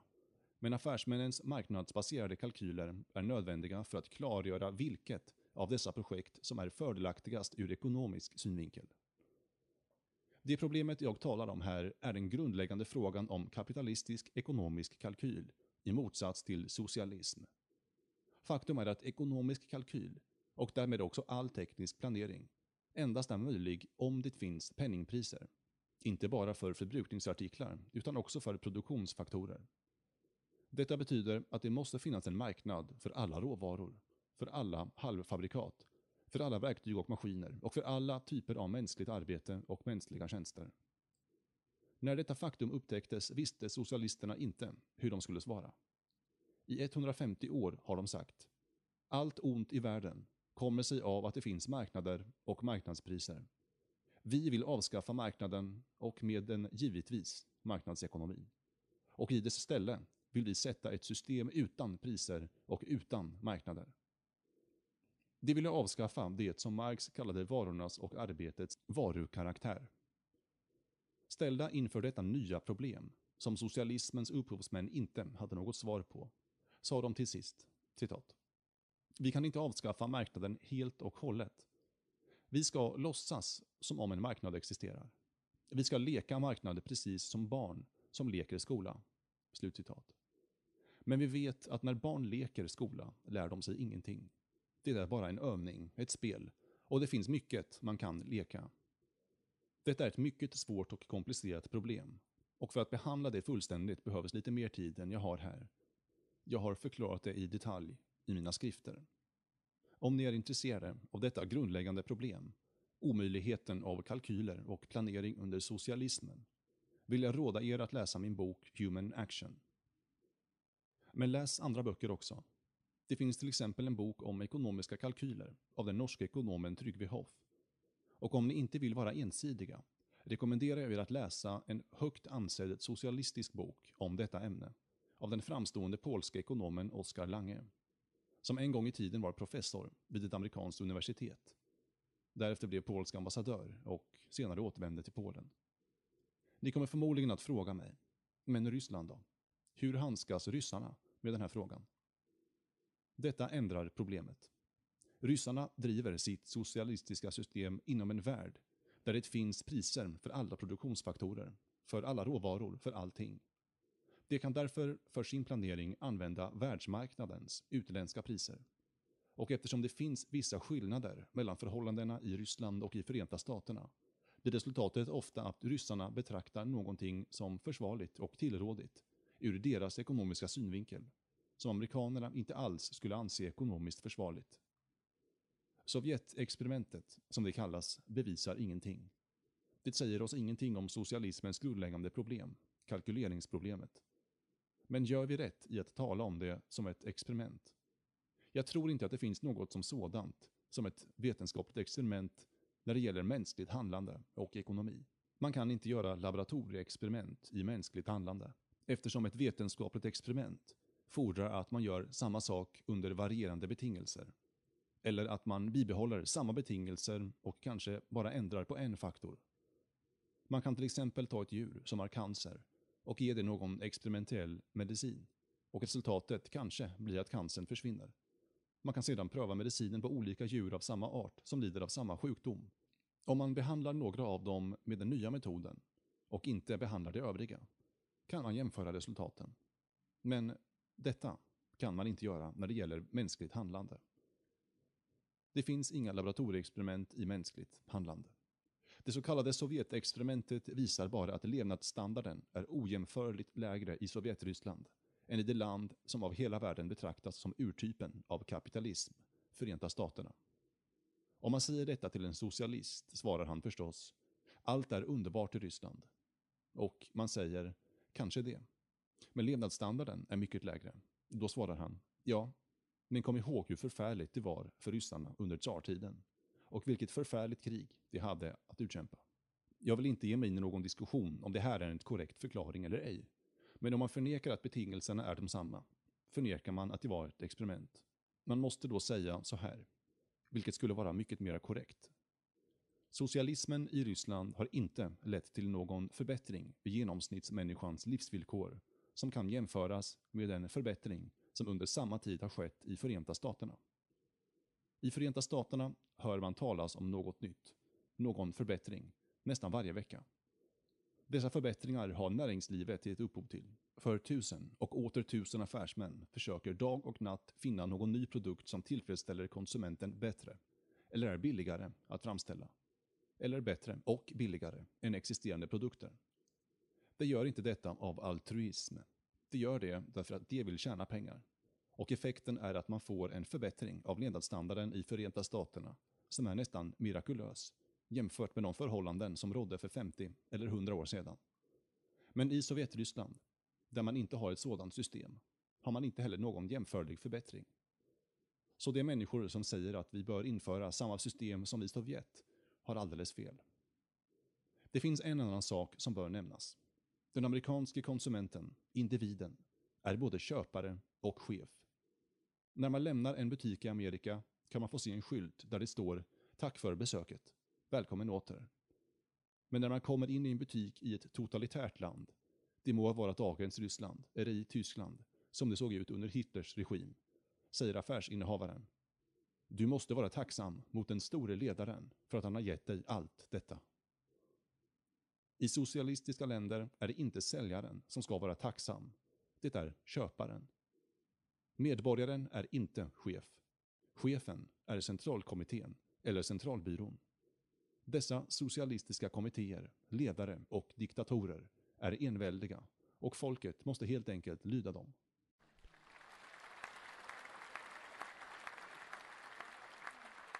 Tredje föreläsningen.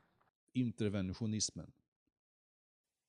En berömd, mycket ofta citerad fras lyder Den regering är bäst som regerar minst. Jag tror inte att detta är en korrekt beskrivning av vad en bra regerings funktioner är. Regeringen bör göra allt det som den behövs för och som den inrättats för. Regeringen bör skydda individer inom landet från våld och bedrägeri från brottslingar och den bör försvara landet mot utländska fiender. Dessa är regeringens funktioner inom ett fritt system, inom det marknadsekonomiska systemet. Under socialismen är regeringen givetvis totalitär och det finns ingenting som faller utanför dess sfär och jurisdiktion.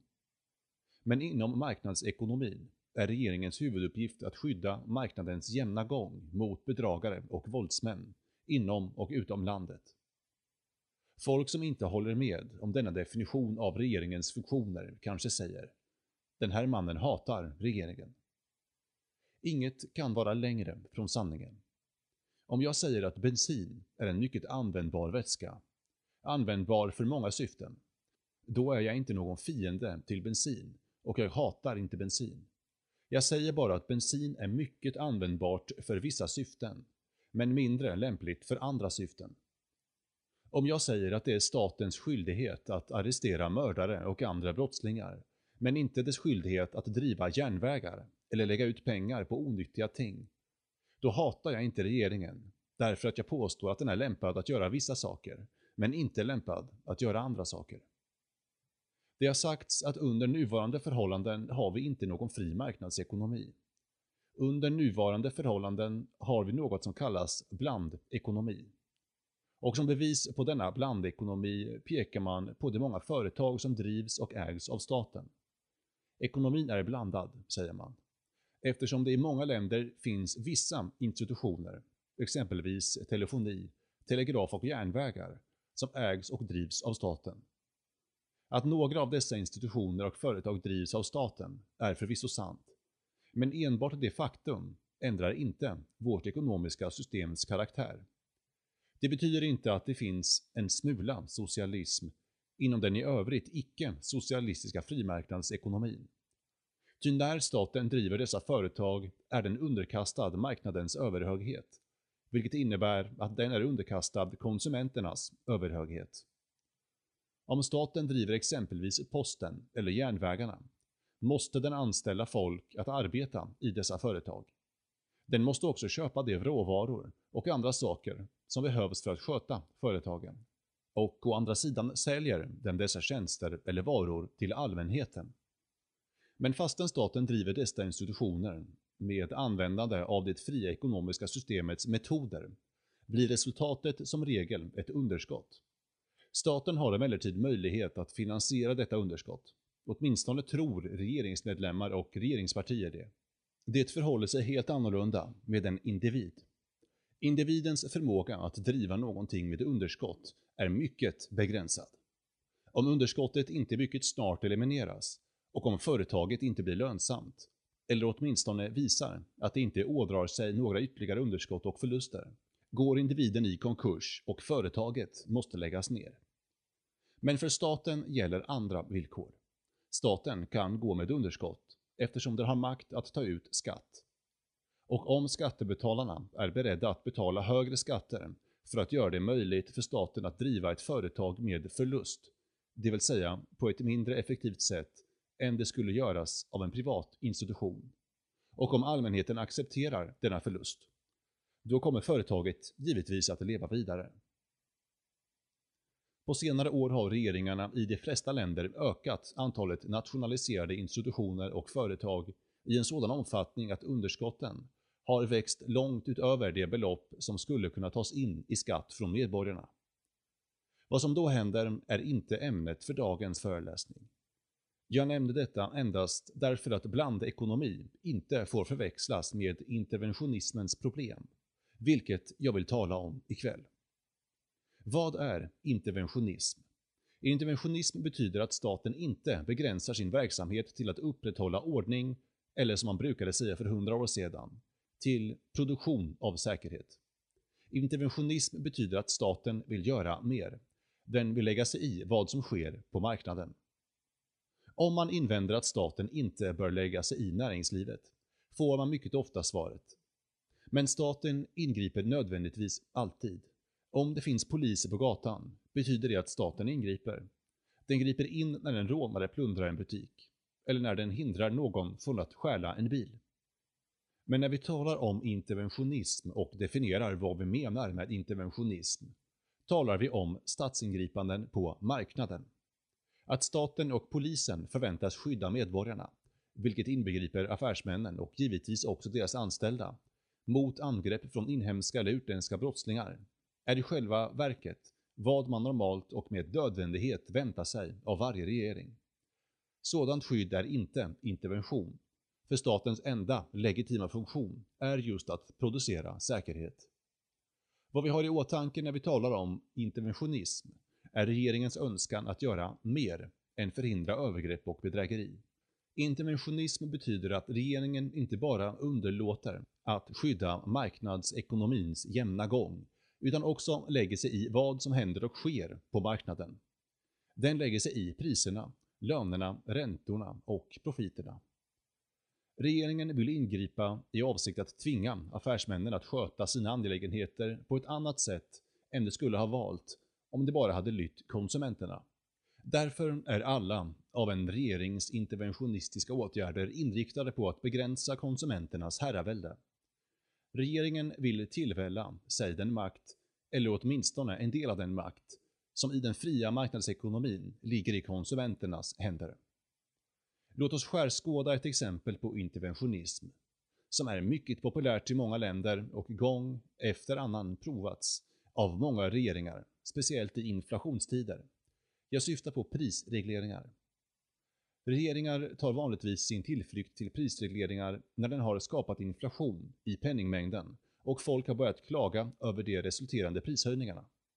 Det finns många berömda historiska exempel på prisregleringsmetoder som har misslyckats. Men jag ska bara nämna två av dem. Ty i båda dessa fall försökte regeringarna verkligen mycket energiskt driva igenom sina prisregleringar. Det första, berömda exemplet, handlar om den romerske kejsaren Diocletianus, mycket välkänd som den siste romerska kejsaren som förföljde de kristna. Den romerska kejsaren hade under senare delen av 400-talet bara en finansieringsmetod, nämligen valutaförsämring. I dessa primitiva tider, innan tryckpressen var uppfunnen, kan man säga att även inflationen var primitiv. Den gick ut på att försämra mynten, särskilt silvermynten. Regeringen blandade in mer och mer koppar i silvret, tills färgen på silvermynten ändrades och vikten avsevärt minskades. Resultatet av denna myntförsämring och den därmed följande ökningen av penningmängden blev prishöjningar, vilka följdes av ett påbud om prisreglering. Och de romerska kejsarna var inte särskilt milda i sitt verkställande av en lag. De tyckte inte att dödsstraff var för milt för en person som hade begärt ett högre pris. De genomdrev sin prisreglering, men de misslyckades med att bevara sitt samhälle. Resultatet blev det romerska rikets och arbetsdelningssystemets sönderfall. 1500 år senare ägde samma valutaförsämring rum under franska revolutionen. Men denna gång användes en annan metod. Tekniken för penningproduktion hade avsevärt förbättrats. Det var inte längre nödvändigt för fransmännen att tillgripa myntförsämring. De hade tryckpressen. Och tryckpressen var mycket effektiv. Återigen blev resultatet oerhörda prisökningar. Men under franska revolutionen genomdrevs inte maximipriserna med samma metod för dödsstraff som kejsar Diocletianus hade använt. Det hade också skett en förbättring i tekniken för att ta död på medborgare. Ni minns väl alla den berömda Dr. J.E. Guillotin? Mannen som uppfann giljotinen. Trots giljotinen misslyckades också fransmännen med sina maximiprislagar. När Robespierre själv forslades iväg till giljotinen skrek folket där åker den satans maximum. Jag ville nämna detta därför att folk ofta säger vad som behövs för att göra prisregleringar effektiva och verksamma är bara mer brutalitet och mer energi. Men nog var Diocletianus brutal så det förslog, och likaså franska revolutionen. Ändå misslyckades de prisreglerande åtgärderna fullständigt under båda dessa epoker. Låt oss nu analysera orsakerna till detta misslyckande. Regeringen får höra att folk klagar över priset på att mjölk har gått upp. Och mjölk är förvisso en mycket viktig vara. Särskilt för det uppväxande släktet. För barnen. Följaktligen fastställer regeringen ett maximipris på mjölk. Ett maximipris som är lägre än vad det potentiella marknadspriset skulle vara. Och regeringen säger nu har vi säkert gjort allt som behövs för att göra det möjligt för fattiga föräldrar att köpa så mycket mjölk de behöver för att livnära sina barn. Men vad händer? Å ena sidan ökar det lägre mjölkpriset efterfrågan på mjölk. Människor som inte hade råd att köpa mjölk till ett högre pris kan nu köpa det till ett lägre pris som regeringen har påbjudit. Och å andra sidan får vissa producenter, nämligen de mjölkproducenter som producerar till den högsta kostnaden, med andra ord marginalproducenterna, nu lida förluster. Därför att det pris regeringen har påbjudit är lägre än deras kostnader. Detta är den viktiga poängen i marknadsekonomin. Privatföretagaren, den private producenten, kan inte ta förluster i det långa loppet.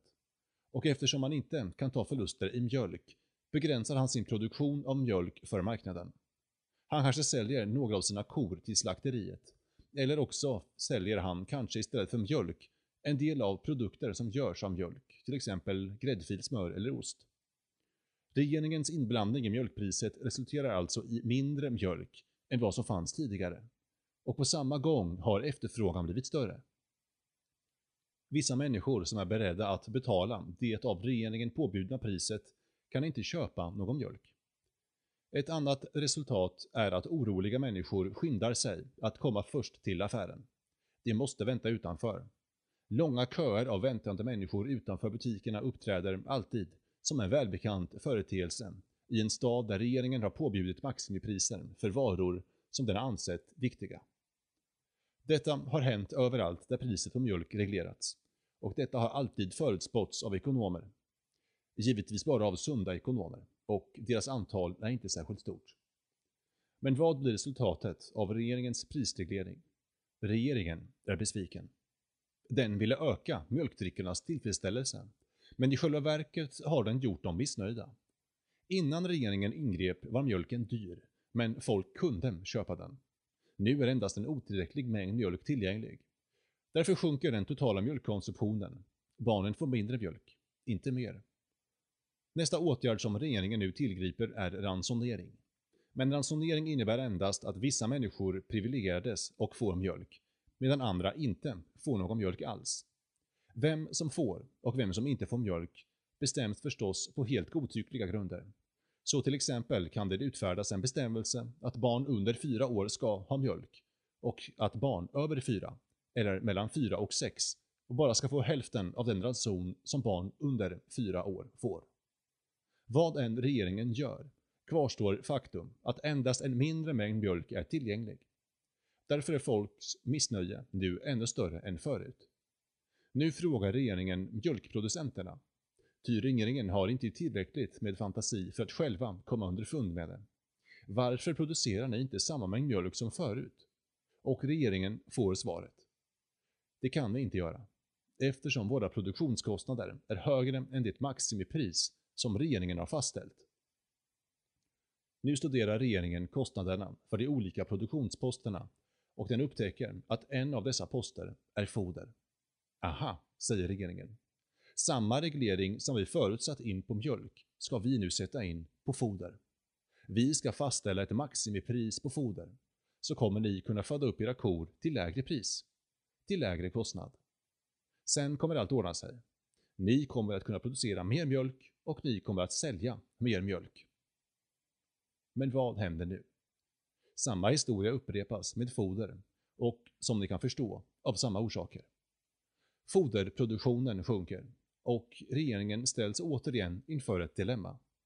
Så den gör nya förfrågningar för att ta reda på vad som är fel med foderproduktionen och den får en precis likadan förklaring från foderproducenterna som den förut fått från mjölkproducenterna. Så regeringen måste ta ett steg längre eftersom den inte vill överge prisregleringsprincipen. Den fastställer maximiprisen för de produktionsvaror som behövs för att producera foder och samma sak händer igen. Regeringen börjar samtidigt reglera inte bara mjölk utan också ägg, kött och andra förnödenheter. Och varje gång får regeringen samma resultat. Överallt blir följderna densamma.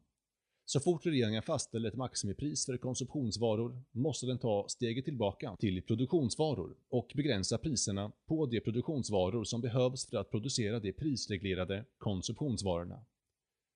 På så sätt går regeringen, efter att ha börjat med endast ett fåtal prisregleringar, längre och längre bakåt i produktionsprocessen och bestämmer maximipriser för alla slags produktionsvaror, inbegripet givetvis priset på arbetskraft. För utan lönereglering skulle regeringens kostnadsreglering vara meningslös. Dessutom kan regeringen inte begränsa sin inblandning i marknaden till endast de ting som den betraktar som livsförnödenheter, som mjölk, smör, ägg och kött. Den måste med nödvändighet också inbegripa lyxvaror, för om den inte begränsade priserna på dem skulle kapital och arbete överge produktionen av livsförnödenheter och övergå till att producera sådant som regeringen betraktar som onödiga lyxvaror. Isolerad inblandning i ett eller ett fåtal priser på konsumtionsvaror åstadkommer därför alltid effekter. Och detta är viktigt att inse, som är ännu mindre tillfredsställande än de förhållanden som rådde förut. Innan regeringen ingrep var mjölk och ägg dyra. Efter det att regeringen ingripit har det börjat försvinna från marknaden. Regeringen betraktade dessa varor som så viktiga att den ingrep. Den ville öka mängden och förbättra tillgången. Resultatet blev det motsatta. Det isolerade ingripandet ledde till ett tillstånd som ur regeringens synvinkel var ännu mindre önskvärt än det tidigare tillstånd som regeringen ville förändra. Och i och med att regeringen går längre och längre når den sist dithän att alla priser, alla löner, alla räntor, kort sagt allting i det ekonomiska systemet bestäms av regeringen. Och detta är uppenbarligen socialism.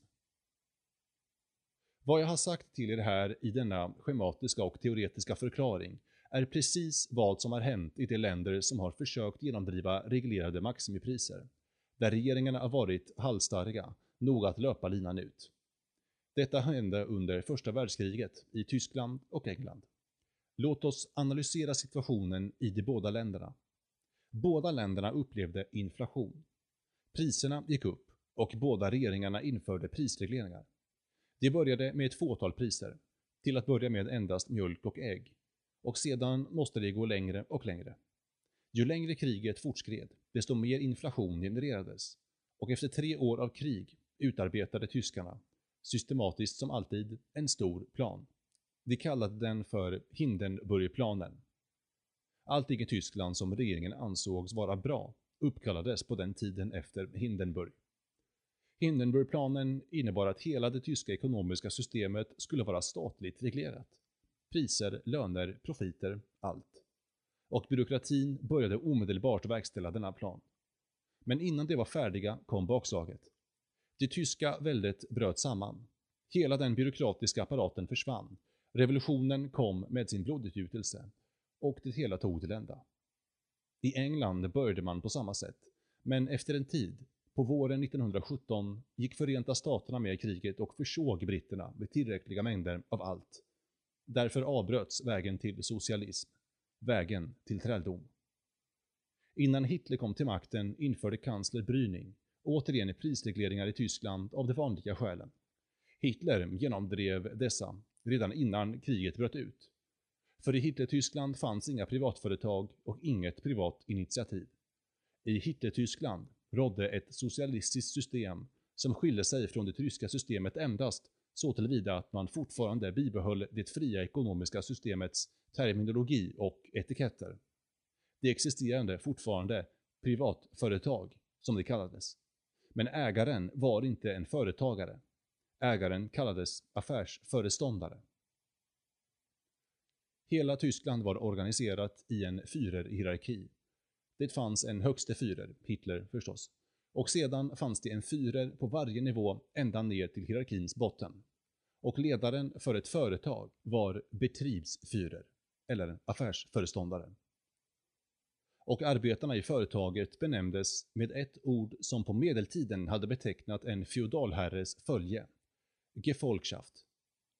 Och alla dessa människor måste lyda de order som utfärdades av en institution med ett förfärligt långt namn, Reich für Wirtschaftsministerium, i vars spets stod en välkänd fet namn vid namn Göring, prydd med juveler och medaljer. Och från detta ministerium med det långa namnet kom alla order till varje företag.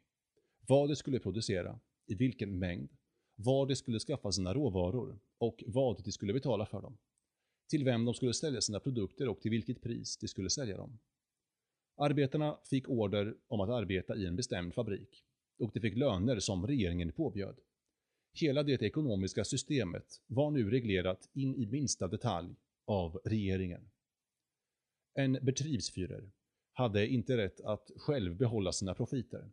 Han fick i realiteten en slags månadslön och om han ville ha mer kunde han till exempel säga “Jag är väldigt sjuk och behöver opereras omedelbart och operationen kostar 500 mark”. Och sedan måste han fråga distriktets Führer, Gau Führer, om han hade rätt att ta ut mer än den lön som gavs honom. Priserna var inte längre priser. Lönerna var inte längre löner. Det var alla kvantitativa termer i ett socialistiskt system. Låt mig nu berätta för er hur detta system föll sönder. En dag efter åratals krig kom de utländska arméerna till Tyskland. De försökte bevara det statligt styrda ekonomiska systemet, men Hitlers brutalitet hade varit nödvändigt för att bevara det. Och utan denna brutalitet fungerade det inte. Och samtidigt som detta försiggick i Tyskland gjorde Storbritannien under andra världskriget exakt detsamma som Tyskland gjorde. Den brittiska regeringen började med att prisreglera endast vissa varor för att steg för steg, på samma sätt som Hitler hade gjort i fredstid, redan före krigsutbrottet, reglera mer och mer av ekonomin, tills det vid slutet av kriget hade nått fram till något som nästan var ren socialism. Socialismen infördes inte i Storbritannien av den Labour-regering som kom till makten 1945. Storbritannien blev socialistiskt under kriget. Genom den regering där Sir Winston Churchill var premiärminister. Labour-regeringen behöll helt enkelt det socialistiska systemet som Sir Winston Churchills regering redan hade infört. Och detta trots kraftigt motstånd från folket. Nationaliseringarna i Storbritannien betydde inte särskilt mycket. Nationaliseringen av Bank of England var blott och bart nominell, eftersom Bank of England redan var, helt och hållet, under regeringens kontroll. Och det var likadant med nationaliseringen av järnvägarna och stålindustrin. Krigssocialismen, som den kallades. Och med detta menas ett system av interventionism som fortskrider steg för steg, hade redan praktiskt taget nationaliserat systemet. Skillnaden mellan det tyska och det brittiska systemet var inte så viktig, eftersom de båda fallen förvaltades av personer som hade utnämnts av regeringen och i alla avseenden måste lyda regeringens order. Som jag förut sa vi höll de tyska nazisterna den kapitalistiska fria marknadsekonomins etiketter och termer. Men det betydde något helt annat. Det var nu bara regeringsdekret. Detta gällde också för det brittiska systemet. När det konservativa partiet återkom till makten i Storbritannien avskaffades några av dessa regleringar. I Storbritannien har vi nu försök från den ena sidan att behålla regleringarna och från den andra sidan att avskaffa dem. Man får inte glömma att förhållandena i England skiljer sig mycket från förhållandena i Ryssland. Detsamma gäller för andra länder som är beroende av att importera livsmedel och råvaror och därför måste exportera industrivaror. För länder som är starkt beroende av exporthandel fungerar ett statligt reglerat system helt enkelt inte. I den mån det finns någon ekonomisk frihet kvar, och det finns fortfarande betydande frihet i en del länder som Norge, England och Sverige, existerar den alltså på grund av nödvändigheten att behålla exporthandeln. Tidigare valde jag exemplet mjölk. Inte därför att jag har någon speciell förkärlek till mjölk, utan därför att praktiskt taget alla regeringar, eller åtminstone de flesta av dem, under de senaste decennierna har reglerat priserna på mjölk, ägg eller smör. Jag vill säga några ord om ett annat exempel, nämligen hyresregleringar. Om regeringen reglerar hyrorna blir ett resultat att människor som annars skulle ha flyttat från större lägenheter till mindre, när deras familjeförhållanden ändrades, inte längre gör det. Ta till exempel föräldrar vars barn lämnar hemmet när de kommer upp i 20-årsåldern, gifter sig eller tar arbete i andra städer. Sådana föräldrar bytte förr till mindre och billigare lägenheter. Denna nödvändighet försvann när hyresregleringar infördes.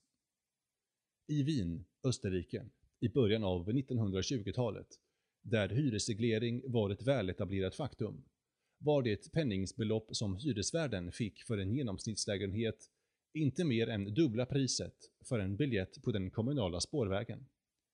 Ni kan lätt föreställa er att folk inte hade någon motivation att byta lägenhet. Och å andra sidan byggdes det inga nya hus. Liknande förhållanden rådde i Förenta Staterna efter andra världskriget och finns kvar i många andra städer än idag. En av huvudorsakerna till att många städer i Förenta Staterna har så stora finansiella svårigheter är att de har hyresreglering och därav följande bostadsbrist. Så regeringen har lagt ut miljarder på att bygga nya hus. Men varför rådde det sådan bostadsbrist? Bostadsbristen kom till av samma orsaker som ledde till mjölkbrist, när man prisreglerade mjölken. Detta betyder att när regeringen ingriper på marknaden drivs den mer och mer mot socialism. Och detta är svaret till de som säger “Vi är inte socialister. Vi vill inte att regeringen ska reglera allt. Vi inser att detta är dåligt. Men varför skulle inte regeringen gripa in en smula på marknaden? Varför skulle inte regeringen avskaffa en del saker som vi inte gillar? Dessa människor talar om en medelvägens politik. Vad de inte inser är att det isolerade ingreppet, det vill säga ett ingrepp som bara berör en liten del av det ekonomiska systemet, leder till en situation som regeringen själv, och de som ber om statsingripanden, finner värre än de förhållanden de ville avskaffa. De människor som kräver hyresreglering blir mycket arga när de upptäcker att det blir brist på lägenheter och brist på bostäder. Men denna bostadsbrist har skapats just av det statliga ingripandet. Genom att regeringen har fastställt en lägre hyresnivå än folk skulle fått betala på en fri marknad. Idén att det finns ett tredje system, mellan socialism och kapitalism, som dess anhängare säger, ett system som är lika fjärran från socialismen som från kapitalismen, men som behåller varje systems fördelar och undviker dess nackdelar, är rent nonsens. Folk som tror att det finns ett sådant mytiskt system kan bli riktigt poetiska när de lovsjunger interventionismen. Man kan bara säga att där tar det miste. De statliga ingripanden som de lovordar leder till förhållanden som de själva inte gillar. Ett av de problem som jag ska tala om senare är protektionism. Regeringen försöker isolera den inhemska marknaden från världsmarknaden. Den inför tullar som höjer det inhemska priset på en vara över världsmarknadspriset och gör det möjligt för inhemska producenter att bilda karteller. Dessa karteller angrips sedan av regeringen. Den angriper kartellerna och förklarar under dessa förhållanden är det nödvändigt att lagstifta mot karteller. Det är just denna situation som råder i de flesta europeiska stater. I Förenta Staterna finns det också andra orsaker till antitrustlagstiftningen och till regeringens kampanj mot monopolismens spöke. Det är absurt att se hur regeringen, som genom sin egen inblandning skapat de förhållanden som möjliggör uppkomsten av inhemska karteller, pekar finger åt näringslivet och säger “Det finns karteller, därför är det nödvändigt med statliga ingripanden i näringslivet”. Det vore mycket enklare att undvika karteller genom att göra slut på den statliga inblandningen på marknaden. En inblandning som gör dessa karteller möjliga. Idén att statlig inblandning utgör en lösning på ekonomiska problem leder i varje land till förhållanden som i bästa fall är mycket otillfredsställande och ofta helt kaotiska. Om regeringen inte gör halt i tid leder den till socialism. Ändå är statsgripanden i näringslivet fortfarande mycket populära. Så fort någon inte gillar något som händer i världen säger han “Regeringen borde göra något åt det”. Vad har vi regeringen till? Regeringen borde göra det. Och detta är en karaktäristisk kvarleva från tiden före den moderna friheten och den moderna konstitutionella regeringen. Före den representativa regeringen och den moderna republikanismens tid. I århundraden förfäktade och godtog alla doktrinen att en konung, en smord konung, var Guds budbärare. Hans visdom var större än hans undersåtars. Och han hade övernaturliga krafter. Så sent som i början av 1800-talet förväntades sig folk som led av vissa sjukdomar att de kunde bli botade genom kunglig handpåläggning. Läkarna var vanligtvis bättre och ändå lät de sina patienter pröva kungen. Denna lära om en faderlig regerings överlägsenhet, om de ärftliga kungarnas övernaturliga och övermänskliga krafter, försvann gradvis. Åtminstone trodde vi det. Men den kom tillbaka igen. Det fanns en tysk professor vid namn Werner Sombart. Jag kände honom mycket väl. Känd världen över. Hedersdoktor vid många universitet och hedersledamot av American Economic Association. Denna professor skrev en bok som finns tillgänglig i en engelsk översättning utgiven av Princeton University Press. I denna bok, utgiven i vårt århundrade, inte under medeltiden, säger Sir Werner Sombart, professor i ekonomi utan omsvep. Fyren, vår Führer, han menar förstås Hitler, får sina order direkt från Gud, universums Führer. Jag talade förut om en Führer-hierarki och i denna hierarki nämnde jag Hitler som den högste Führern. Men det finns enligt Werner Sombart en ännu högre Führer, Gud, universums Führer. Och Gud, skrev han, ger sina order direkt till Hitler. Professor Sombart är förstås blygsam nog att säga vi vet inte hur Gud kommunicerar med fyren, men själva faktumet kan inte förnekas. Om ni hör att en sådan bok kan publiceras på tyska språket, i ett land som en gång hyllades som filosofernas och poeternas nation, och om ni ser den översatt till engelska och franska, då ska ni inte bli förvånade över att till och med en liten byråkrat anser sig visare och bättre än medborgarna och vill lägga sig i allting. Fastän han bara är en stackars liten byråkrat och inte den berömde professor Werner Sombart, hedersledamot av allt möjligt. Finns det något motmedel mot att sådant inträffar? Jag skulle vilja säga ja. Det finns ett motmedel, nämligen medborgarnas makt. Det måste hindra att det upprättas en sådan autokratisk regim som gör anspråk på högre visdom än vad genomsnittsmedborgaren besitter. Detta är den grundläggande skillnaden mellan frihet och träldom.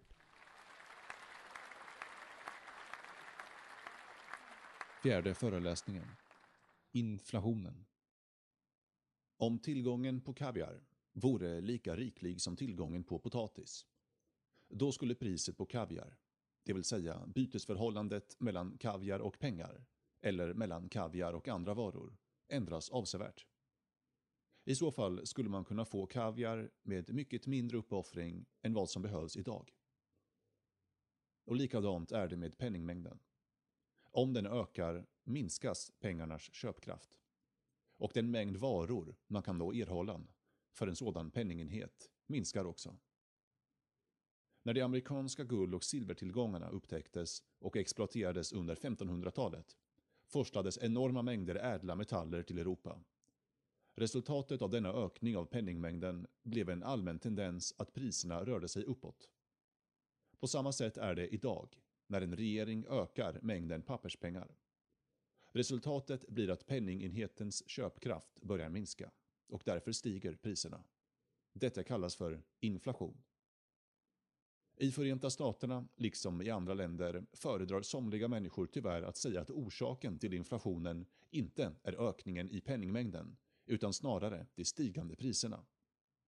Ingen har dock någonsin kommit med något vägande argument mot den ekonomiska tolkningen av relationen mellan priser och penningmängd, eller bytesförhållandet mellan pengar och andra varor och tjänster.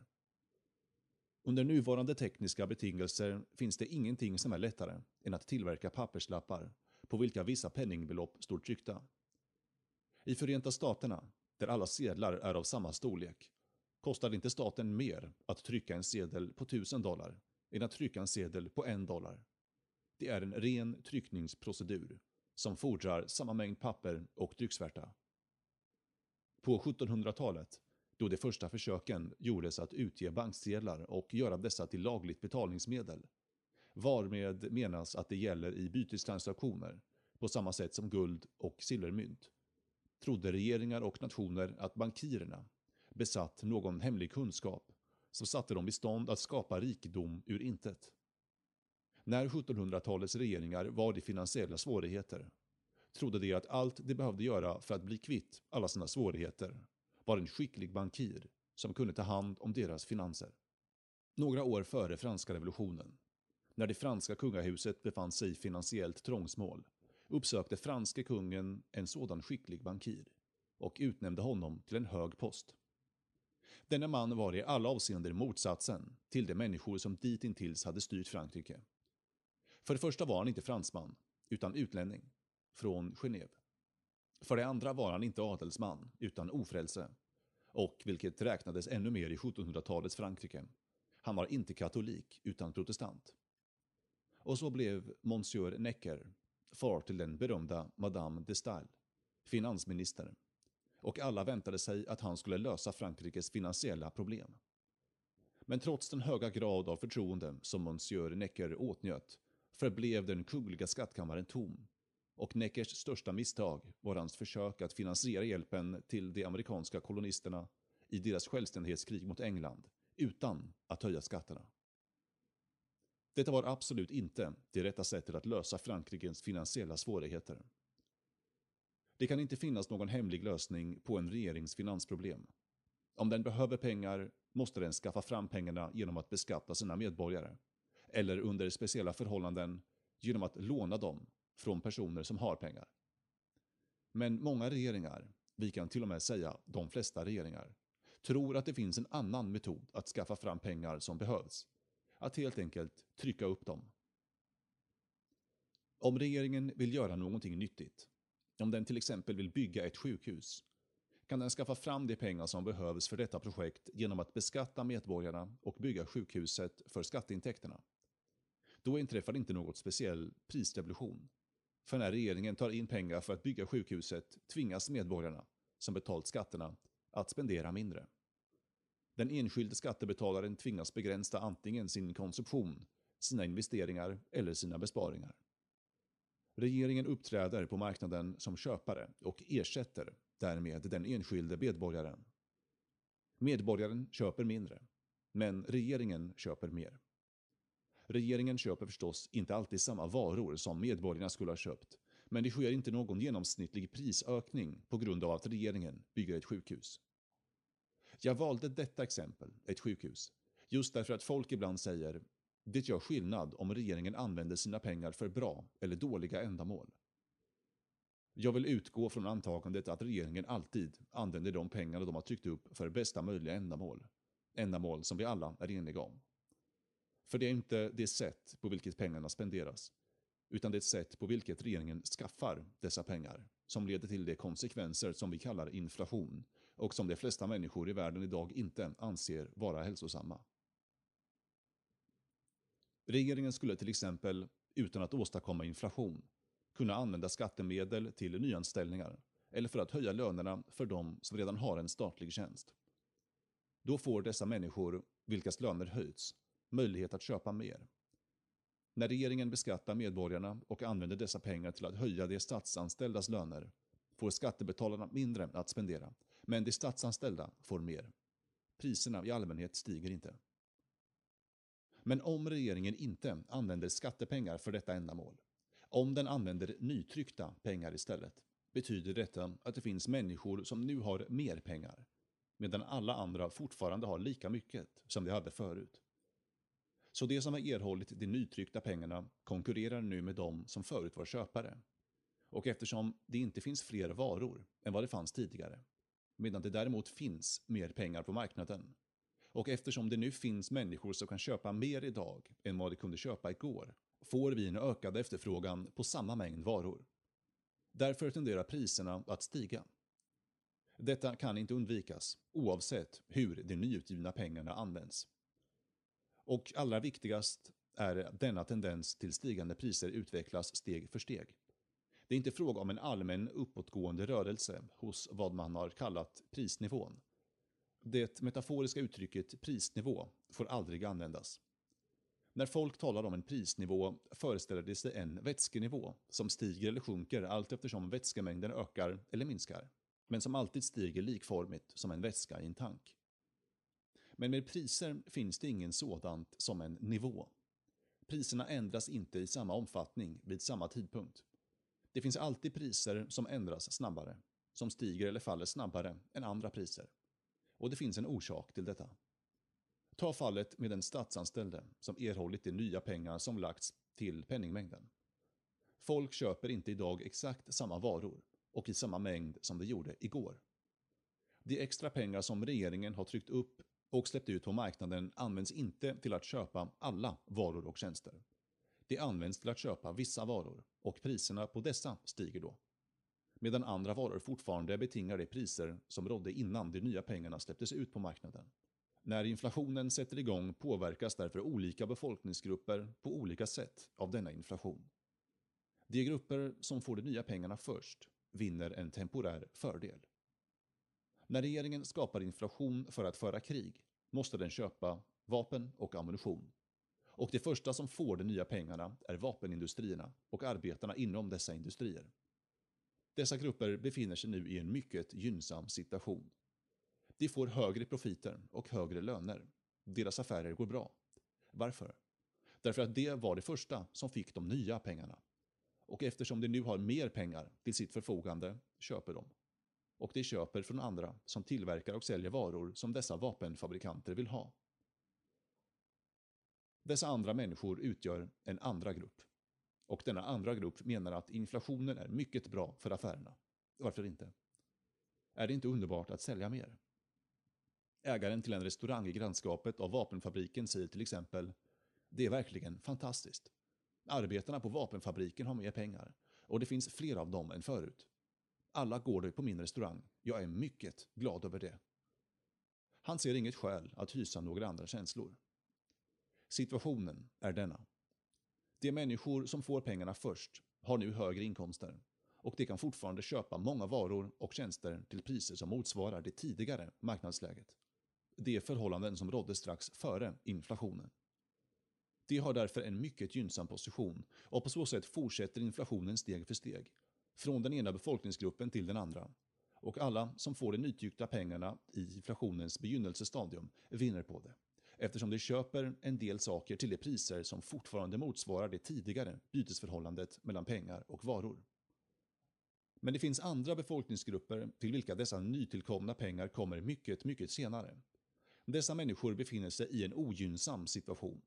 Innan de nya pengarna kommer till dem är de tvungna att betala högre priser än de förut betalat för vissa, eller för praktiskt taget alla, de varor de önskar köpa, samtidigt som deras inkomster har förblivit detsamma eller inte ökat i proportion till priserna. Ta till exempel ett land som Förenta Staterna under andra världskriget. Å ena sidan gynnade inflationen vid den tiden vapen- och ammunitionindustrierna och deras arbetare, medan den å andra sidan missgynnade andra befolkningsgrupper. Och det som blev mest lidande av inflationen var lärare och präster. Som ni vet är en präst en mycket blygsam person som tjänar Gud och inte får prata för mycket om pengar. Lärare är likaledes hängivna människor som förväntas bekymra sig mer om att uppfostra ungdomen än om sina löner. Följaktligen var lärare och präster bland de som mest missgynnades av inflationen. För de olika skolorna och kyrkorna var det sista som insåg att de måste höja lönerna. När församlingsäldste och skolstyrelsen slutligen upptäckte att man nog också borde höja lönerna för dessa hängivna människor kvarstod fortfarande de förluster de tidigare hade lidit. Länge måste de köpa mindre än de gjort förut, skära ner sin konsumtion av bättre och dyrare matvaror och begränsa sina klädinköp. Därför att priserna redan hade justerats uppåt, medan deras inkomster, deras löner, ännu inte hade höjts. Denna situation har ändrats en hel del idag, åtminstone för lärarna. Det är därför inte alltid så att olika befolkningsgrupper påverkas olika av inflationen. För somliga är inflationen inte så dålig. De ber till och med om att den ska fortsätta, eftersom de är de första som profiterar på den. Under dessa av inflationen orsakade förändringar har vi grupper som gynnas och grupper som direkt profiterar. Jag använder inte termen profiterar som en förebråelse mot dessa människor. För om det finns någon som ska klandras är det regeringen som har skapat inflationen. Och det finns alltid människor som är för inflation, därför att de inser vad som håller på att ske tidigare än andra.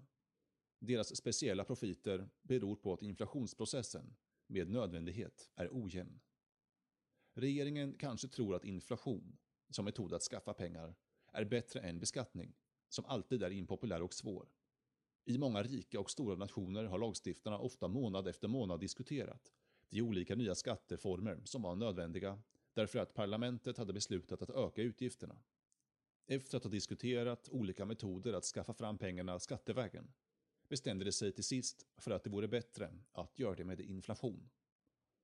Men givetvis användes inte ordet inflation. Den makthavande politikern som tillgriper inflation tillkännager inte “Jag tillgriper nu inflation” De tekniska metoder som används för att åstadkomma inflationen är så komplicerade att genomsnittsmedborgaren inte inser att inflationen har satt igång. Under en av de värsta inflationerna i historien, i tyska riket efter första världskriget, var inflationen inte så ödesdiger under själva kriget. Det var inflationen efter kriget som ledde till katastrof. Regeringen sa inte “Vi tillgriper nu inflation”. Regeringen lånade helt enkelt pengar mycket indirekt från centralbanken. Regeringen behövde inte fråga hur centralbanken skulle finna och leverera pengarna. Centralbanken tryckte helt enkelt upp dem. Idag kompliceras inflationstekniken av att det finns checkräkningspengar. Tekniken är en annan, men resultatet är detsamma. Med ett penndrag skapar regeringen fiatpengar och ökar på så vis penning och kreditmängden. Regeringen utvärderar helt enkelt en order och fiatpengarna finns där. Regeringen bryr sig till att börja med inte om att somliga förlorar på det. Den bryr sig inte om att priserna stiger. Lagstiftarna säger det här är ett underbart system. Men detta underbara system har en grundläggande svaghet. Det kan inte bestå. Om inflationen kunde fortsätta i evighet skulle det inte finnas någon mening med att säga till regeringar att de inte ska åstadkomma inflation. Men en sak är säker när det gäller inflation och det är att den förr eller senare måste ta en ända det är en politik som inte kan bestå. I det långa loppet tar inflationen en ända när valutasystemet bryter samman. Den slutar med en katastrof, med en situation som liknar den i Tyskland 1923. Den 1 augusti 1914 var dollarns värde 4 mark och 20 pfennig. Nio år och tre månader senare, i november 1923, var växelkursen 4,2 miljarder mark per dollar. Marken var med andra ord ingenting värd. Den hade inte längre något värde. För några år sedan skrev en berömd författare. I det långa loppet är vi alla döda. Detta är förvisso sant, och det är jag den första att beklaga. Men frågan är, hur kort eller hur långt kommer det korta loppet att vara? På 1700-talet fanns det en ryktbar dam vid namn Madame de Pompadour som tillskrevs yttrandet efter oss kommer syndafloden. Madame de Pompadour var lycklig nog att dö i det korta loppet. Men hennes efterträdare i ämbetet, Madame Dubarry, överlevde det korta loppet och blev i det långa loppet halshuggen. För många människor blir det långa loppet snabbt det korta loppet. Och ju längre inflationen fortskrider, desto snabbare blir det långa loppet kort. Hur länge kan det korta loppet fortgå? Hur länge kan en centralbank fortsätta med inflation? Förmodligen så länge som folk är övertygade om att regeringar förr eller senare, men absolut inte för sent, kommer att sluta trycka pengar och därmed sluta minska värdet av varje penningenhet. När folk inte längre tror detta, när de inser att regeringen nu kommer att fortsätta och fortsätta och inte har någon avsikt att sluta, då börjar de förstå att priserna imorgon kommer bli högre än de är idag. Då börjar de köpa till vilket pris som helst. Och det får priserna att stiga till sådana höjder att penningvärdet bryter samman. Jag hänvisar till fallet Tyskland, som hela världen hade ögonen på. Många böcker har skildrat den tidens händelser. Fastän jag inte är tysk utan österrikare, såg jag alltihop inifrån. Förhållandena i Österrike skilde sig inte särskilt mycket från förhållandena i Tyskland. Och inte heller var det särskilt annorlunda i många andra europeiska länder. I åtskilliga år trodde tyska folket att deras inflation bara var en temporär historia. Att den snart skulle upphöra. De trodde så i nästan nio år, ända till sommaren 1923. Då började äntligen tvivla. Allt eftersom inflationen fortskred ansåg folk att det var klokast att köpa allt som fanns tillgängligt hellre än att behålla pengar i fickan. Dessutom resonerade det som så att man inte borde låna ut pengar utan att det tvärtom var en mycket god idé att sätta sig i skuld. På så sätt fortsatte inflationen att livnära sig på sig själv. Och detta fortsatte i Tyskland till exakt den 28 augusti 1923. Massorna hade då trott att inflationspengarna var verkliga pengar. Men nu kom de underfund med att förhållandena hade ändrats. I slutfasen av den tyska inflationen på hösten 1923 betalade de tyska fabrikerna sina arbetare varje morgon i förskott för dagen. Och arbetaren kom till fabriken tillsammans med sin fru och lämnade ögonblickligen över sin lön, alla sina miljoner, till henne. Och frun gick genast till en affär för att köpa något, sak samma vad. Hon insåg vad de flesta vid den tiden visste, att marken över en natt, från den ena dagen till den andra, miste 50% av sin köpkraft. Pengarna smälte i fickan som choklad på en het spis. Det sista skedet av den tyska inflationen varade inte länge. Efter några dagar var hela mardrömmen över. Marken var värdelös och en ny valuta måste införas. Lord Keynes, samme man som sa att i det långa loppet är vi alla döda, var en i en lång rad av inflationistiska författare under 1900-talet. De var alla emot guldmyntfoten. När Lord Keynes angrep guldmyntfoten kallade han den för en barbarisk relik. Och de flesta anser det idag löjeväckande att tala om en återgång till guldmyntfoten. I de Förenta Staterna anses man till exempel mer eller mindre vara en drömmare om man säger Förr eller senare måste Förenta Staterna gå tillbaka till guldmyntfoten. Och dock har guldmyntfoten en enorm förtjänst.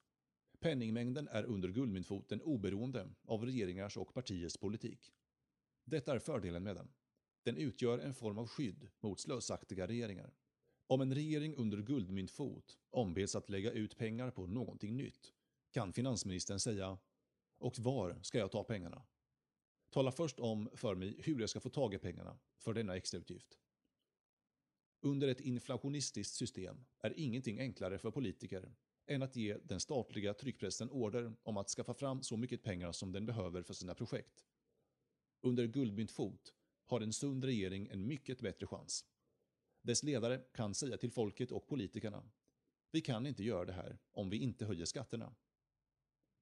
Men under inflationistiska förhållanden skaffar sig folk en vana att betrakta regeringen som en institution med obegränsade medel till sitt förfogande. Staten, regeringen, kan göra vad som helst. Om nationen till exempel vill ha ett nytt vägnät förväntas regeringen bygga det. Men var ska regeringen ta pengarna? Man kan säga att i Förenta Staterna idag, och även i det förflutna under McKinley, var det republikanska partiet mer eller mindre för sunda pengar och guldmyntfot, medan det demokratiska partiet var för inflation. Naturligtvis inte pappersinflation, utan silverinflation. Det var emellertid en demokratisk president i Förenta Staterna, president Cleveland, som i slutet av 1880-talet inlade veto mot ett kongressbeslut att ge en liten summa, omkring 10 000 dollar, för att hjälpa ett samhälle som hade råkat ut för en katastrof och president Cleveland försvarade sitt veto med orden Det är medborgarnas plikt att stödja regeringen, men det är inte regeringens plikt att stödja medborgarna. Detta är något som varje statsman borde sätta upp på väggen i sitt kontor för att visa folk som kommer och ber om pengar. Jag finner att det är ganska genant att behöva förenkla dessa problem. Det finns så många komplicerade problem i penningsystemet och jag skulle inte ha skrivit volymer om dem ifall det vore så enkla som jag beskriver dem här. Men grunderna är exakt dessa. Om man ökar penningmängden leder det till att penningenhetens köpkraft minskar. Det är detta som människor vilkas privata affärer påverkas ogynnsamt inte gillar. Det som inte vinner på inflationen är det som klagar. Om inflationen är så dålig och om folk inser det, varför har den då nästan blivit en livsstil i alla länder? Till och med några av de rikaste länderna lider av samma sjuka. Förenta Staterna är idag säkert det rikaste landet i världen, med den högsta levnadsstandarden. Men när man reser i Förenta Staterna upptäcker man att det ständigt talas om inflation och om hur nödvändigt det är att hejda den. Men man talar bara, man handlar inte. Jag ska ge er några fakta. Efter första världskriget återgick Storbritannien till pundets guldparitet före kriget. Pundet revalverades, med andra ord uppåt. Detta ökade lönernas köpkraft för varje arbetare. På en ohämmad marknad skulle den nominella penninglönen ha fallit som kompensation för detta och arbetarnas reallön skulle inte ha blivit lidande. Vi har här inte tid att diskutera orsakerna till detta, men fackföreningarna i Storbritannien var ovilliga att acceptera en anpassning av lönerna till penningenhetens högre köpkraft och därför steg reallönerna avsevärt på grund av denna monetära åtgärd. Detta var en allvarlig katastrof för England. Eftersom Storbritannien i huvudsak är ett industriland som måste importera sina råvaror, halvfabrikat och livsmedel för att kunna leva och måste exportera industrivaror för att betala för denna import. I och med att pundets internationella värde steg, steg också priset på brittiska varor på utlandsmarknaden. Och försäljningen och exporten sjönk. Storbritannien hade i själva verket prissatt sig självt ut ur världsmarknaden. Fackföreningarna kunde inte besegras. Ni vet hur mäktig en fackförening är idag. Den har rätten, ja praktiskt taget privilegiet, att tillgripa våld. Och en order från en fackförening är därför, kan vi säga, inte mindre viktig än ett regeringspåbud. Ett regeringspåbud är en order som staten, tvångsapparat, polisen, är beredd att genomdriva. Man måste lyda regeringens påbud, annars råkar man i klammeri med polisen. Dessvärre har vi nu, nästan alla länder, ytterligare en makt som har möjlighet att utöva våld. Fackföreningarna. Facket bestämmer löner och uthyser strejker för att genomdriva dem. På samma sätt som regeringen kan påbjuda minimilön. Jag ska inte diskutera fackföreningens frågan nu, jag tänker behandla den senare. Jag vill bara slå fast att fackets politik går ut på att höja lönerna över den nivå de skulle haft på en ohämmad marknad. Som en följd härav kan en betydande del av den potentiella arbetskraften endast anställas av personer eller industrier som är beredda att gå med förlust. Och eftersom företagen inte i längden kan gå med förlust slår de igen och folk blir arbetslösa. Om man sätter löner som ligger högre än den nivå de skulle ha haft på den ohämmade marknaden blir resultatet alltid att en betydande del av den potentiella arbetskraften får gå arbetslös. I Storbritannien blev resultatet av de högre lönerna som genomdrevs av fackföreningarna en långvarig arbetslöshet som fortsatte år efter år. Miljoner arbetare gick arbetslösa. Produktionssiffrorna sjönk. Till och med experterna var rådlösa. I denna situation gjorde den brittiska regeringen ett drag som den betraktade som en oundviklig krisåtgärd. Den devalverade valutan. Resultatet blev att köpkraften hos de penninglöner som facket hade insisterat på inte längre var densamma. Reallönerna, varulönerna, gick ner. Nu kunde arbetaren inte längre köpa lika mycket som han kunnat köpa förut, fastän hans nominella lön förblev densamma. På detta sätt trodde man skulle reallönerna återgå till den fria marknadens nivå och arbetslösheten skulle försvinna. Denna åtgärd, devalvering, togs upp av flera andra länder, av Frankrike, Nederländerna och Belgien. Ett land tillgrep till och med denna åtgärd två gånger under en period av ett och ett halvt år. Det landet var Tjeckoslovakien. Det var, kan man säga, ett sätt att smygvägen motarbeta fackföreningarnas makt. Man kan dock inte kalla det för en verklig framgång. Efter några år började folket, arbetarna, ja till och med fackföreningarna, förstå vad som höll på att ske. De kom att inse att devalveringen av valutan hade minskat deras reallöner. Fackföreningarna hade makt att motsätta sig detta. I många länder införde de en klausul i löneavtalen som stadgade att penninglönerna automatiskt måste gå upp när priserna steg. Detta kallas för indexreglering. Fackföreningarna blev indexmedvetna. Så denna metod att minska arbetslösheten, som den brittiska regeringen började med år 1931 och som senare togs upp av nästan alla regeringar av vikt. Denna metod att lösa arbetslösheten fungerar inte längre idag. År 1936 i sin bok General Theory of Employment, Interests and Money upphöjde Lord Keynes tyvärr denna metod. Dessa krisåtgärder från perioden mellan 1929 och 1933 till en princip. Ett grundläggande politiskt system. Och han rättfärdigade detta med att säga i sak arbetslöshet är någonting dåligt. Om man vill att arbetslösheten ska försvinna måste man minska valutans värde. Han insåg mycket väl att lönerna kan vara för höga för marknaden. Det vill säga för höga för att göra det lönsamt för en arbetsgivare att utöka sin arbetsstyrka. Och alltså för höga ur den totala arbetande befolkningens synvinkel. Ty om fackföreningarna tilltvingar sig löner som ligger ovanför marknadsnivå kan bara en del av dem som är angelägna att arbeta för lön få jobb. Och Keynes sa i sak Visst är massarbetslöshet som fortsätter år efter år ett mycket otillfredsställande tillstånd. Men istället för att föreslå att lönerna kan och bör anpassas efter marknadsförhållandena sa han i sak.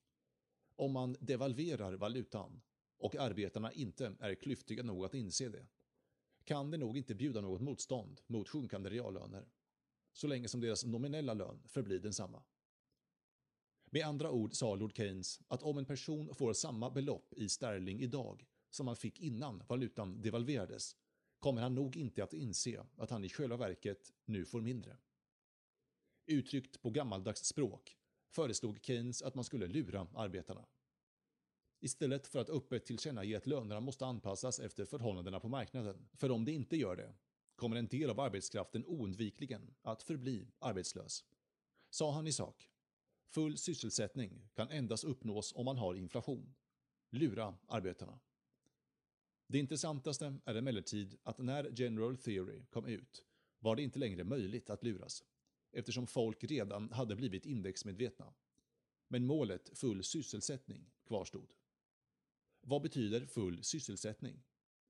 Det har att göra med den ohämmade arbetsmarknaden, som inte manipuleras av fackföreningarna eller av regeringen. På denna marknad tenderar lönerna för varje typ av arbete att nå en nivå där alla som vill ha ett jobb kan få ett och varje arbetsgivare kan anställa så många arbetare han behöver. Om efterfrågan för arbetskraft ökar tenderar lönerna att stiga och om färre arbetare behövs tenderar lönerna att sjunka. Det enda sättet att uppnå full sysselsättning är att bibehålla en ohämmad arbetsmarknad. Detta gäller för varje typ av arbete och varje typ av varor. Vad gör en affärsman som vill sälja en vara för 5 dollar per enhet?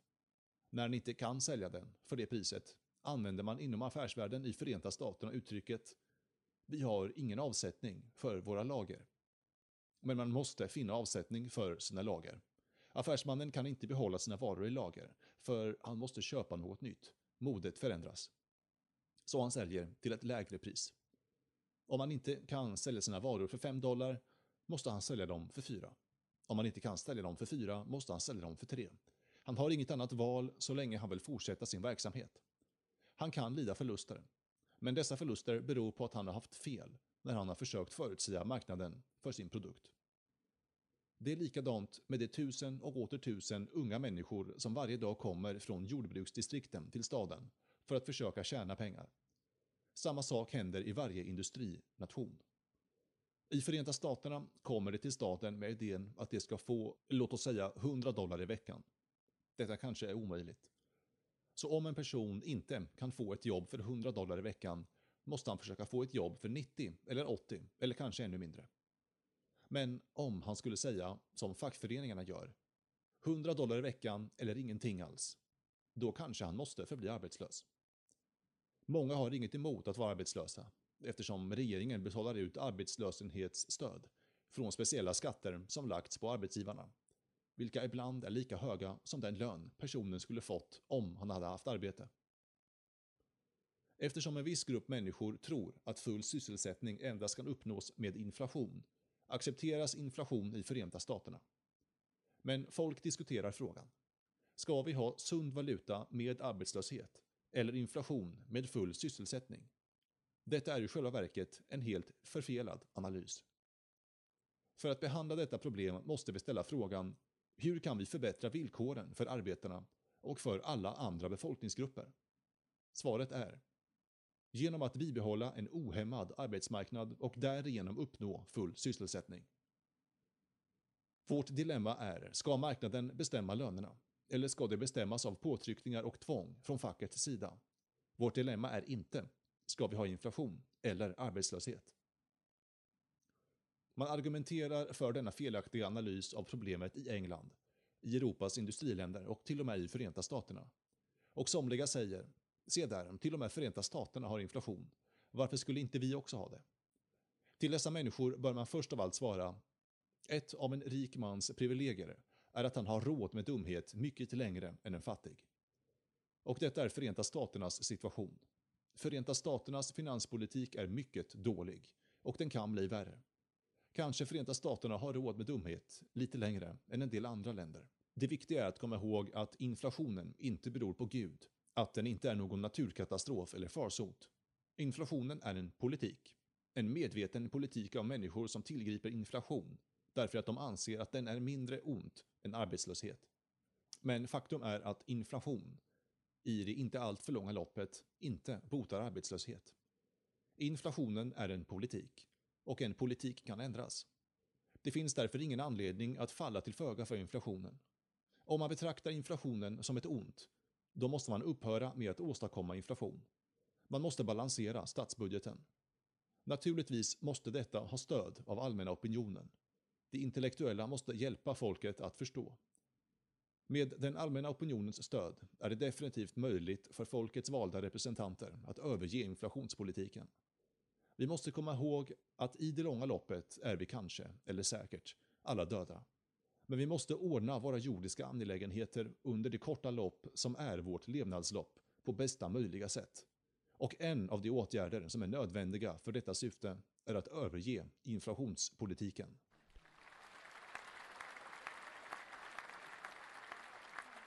Femte föreläsningen. Utlandsinvesteringar. Somliga kallar den ekonomiska frihetens program för ett negativt program. De säger, vad vill ni liberaler egentligen? Ni är emot socialism, statlig interventionism, inflation, fackföreningsvåld, skyddstullar. Ni säger nej till allt. Jag skulle vilja kalla detta påstående för en ensidig och grund formulering av problemet. Ty det är möjligt att formulera ett liberalt program på ett positivt sätt. Om en person säger “Jag är emot censur” är han inte negativ. Han är för att författare ska ha rätt att bestämma vad de vill publicera utan statlig inblandning. Detta är inte negativism, detta är just frihet. När jag använder termen liberal med avseende på det ekonomiska systemet menar jag givetvis liberal i ordets gamla, klassiska bemärkelse. Idag betraktar de flesta människor de betydande skillnaderna i levnadsstandard mellan många länder som otillfredsställande. För 200 år sedan var förhållandena i Storbritannien mycket värre än vad det är idag i Indien. Men britterna, av år 1750, kallade inte sig själva underutvecklade eller efterblivna, eftersom de inte kunde jämföra förhållandena i sitt land med andra länder där de ekonomiska förhållandena var mer tillfredsställande. Idag tror folk i alla länder som inte har uppnått Förenta Staternas genomsnittliga levnadsstandard att det är något fel på deras egen ekonomiska situation. Många av dessa länder kallar sig utvecklingsländer och som sådana ber de om hjälp från de så kallade utvecklade eller till och med överutvecklade länderna. Låt mig förklara hur det verkligen förhåller sig med denna situation. Levnadsstandarden är lägre i de så kallade utvecklingsländerna därför att genomsnittsförtjänsten för samma typ av arbete är lägre i dessa länder än i vissa länder i Västeuropa, Kanada, Japan och framförallt Förenta Staterna. Om vi försöker finna orsakerna till denna skillnad måste vi inse att det inte beror på någon underlägsenhet hos arbetare eller andra anställda. Det råder bland vissa grupper av nordamerikanska arbetare en tendens att tro att de själva är bättre än andra. Att det är deras egen förtjänst att de får högre löner än andra. En amerikansk arbetare skulle bara behöva besöka något annat land, till exempel Italien, varifrån många amerikanska arbetare kommit, för att upptäcka att det inte är hans personliga egenskaper, utan förhållandena i landet som gör det möjligt för honom att tjäna högre lön. Om en person från Sicilien flyttar till Förenta Staterna kan han mycket snart tjäna den lön som är sedvanlig i Förenta Staterna. Och om samma person återvänder till Sicilien kommer han att upptäcka att hans besök i Förenta Staterna inte har gett honom egenskaper som gör det möjligt för honom att tjäna högre lön på Sicilien än vad hans landsmän gör. Inte heller kan man förklara denna ekonomiska situation genom att anta någon underlägsenhet hos företagarna utanför Förenta Staterna. Det är ett faktum att utanför Förenta Staterna, Kanada, Västeuropa och vissa delar av Asien är fabrikernas utrustning och de tekniska metoder som används i stort sett underlägsna de som finns i Förenta Staterna. Men detta beror inte på okunnighet hos företagarna i dessa underutvecklade länder. De vet mycket väl att fabrikerna i Förenta Staterna och Kanada är mycket bättre utrustade. De vet själva allt de behöver veta om teknologi. Och om de inte gör det har de möjlighet att lära sig vad de behöver veta i läroböcker och tekniska tidskrifter som sprider denna kunskap. Återigen, skillnaden är inte personlig underlägsenhet eller okunnighet. Skillnaden ligger i kapitaltillgången, i den mängd kapitalvaror som är tillgänglig. Med andra ord är mängden investerat kapital per enhet av befolkningen större i de så kallade avancerade länderna än i utvecklingsländerna. En affärsman kan inte betala en arbetare mer än det belopp som den anställdes arbete lägger till produktens värde. Han kan inte betala honom mer än vad kunderna är beredda att betala för denna enskilda arbetares merarbete. Om man betalar honom mer kan han inte täcka sina omkostnader med vad han får från kunderna. Han ådrar sig förluster. Och som jag gång efter annan påpekat och som ni alla vet, måste en affärsman som drar på sig förluster ändra sina affärsmetoder eller gå i konkurs. Ekonomerna beskriver detta sakförhållande genom att säga att lönerna bestäms av arbetets marginalproduktivitet. Detta är bara ett annat uttryck för vad jag just alldeles nyss har sagt. Det är ett faktum att löneskalan bestäms av det belopp med vilken en persons arbete ökar produktens värde. Om en person arbetar med bättre och effektivare verktyg, då kan han på en timme utföra mycket mer än en person som arbetar en timme med mindre effektiva instrument. Det är uppenbart att 100 personer som arbetar i en amerikansk skofabrik, utrustade med de modernaste verktyg och maskiner, producerar mycket mer på samma tid än 100 skomakare i Indien, som måste arbeta med gammalmodiga verktyg och med mindre sofistikerade metoder. Arbetsgivarna i alla dessa utvecklingsländer vet mycket väl att bättre verktyg skulle göra deras egna företag lönsammare. De skulle vilja bygga fler och bättre fabriker. Det enda som hindrar dem från att göra det är bristen på kapital. Skillnaderna mellan de mindre utvecklade och de mer utvecklade nationerna är en funktion av tiden. Britterna började spara tidigare än alla andra nationer. De började också ackumulera kapital och investera det i näringslivet. Eftersom de började tidigare rådde det högre levnadsstandard i Storbritannien när det i alla andra europeiska länder fortfarande rådde lägre levnadsstandard. Gradvis började alla de andra nationerna studera de brittiska förhållandena och det var inte svårt för dem att upptäcka orsaken till Storbritanniens rikedom, så de började imitera det brittiska näringslivets metoder. Eftersom andra nationer började senare och eftersom britterna inte slutade investera kapital var skillnaden fortfarande stor mellan förhållandena i England och i dessa andra länder. Men så hände något som fick Storbritanniens försprång att försvinna. Det som inträffade var den största händelsen i 1800-talets historia. Och detta betyder inte bara i ett enskilt lands historia. Denna stora händelse var uppkomsten av utlandsinvesteringar under 1800-talet. År 1817 tog den store brittiske ekonomen Ricardo det fortfarande för givet att kapital bara kunde investeras inom ett lands gränser. Han tog det för givet att kapitalisterna inte skulle försöka investera utomlands. Men några årtionden senare började kapitalinvesteringar utomlands att spela en betydande roll i världens affärer. Utan kapitalinvesteringar skulle det ha varit nödvändigt för mindre utvecklade nationer än Storbritannien att börja med samma metoder och samma teknologi som britterna hade börjat med i början och mitten av 1700-talet och sedan långsamt, steg för steg, alltid långt under den brittiska ekonomins tekniska nivå, försöka imitera vad britterna hade gjort. Det skulle ha tagit många, många årtionden för dessa länder att nå upp till samma tekniska utvecklingsstandard som Storbritannien hade uppnått hundra år eller mer före dem. Men den stora händelse som hjälpte alla dessa länder var utlandsinvesteringar. Utlandsinvesteringar betydde att brittiska kapitalister investerade brittiskt kapital i andra delar av världen.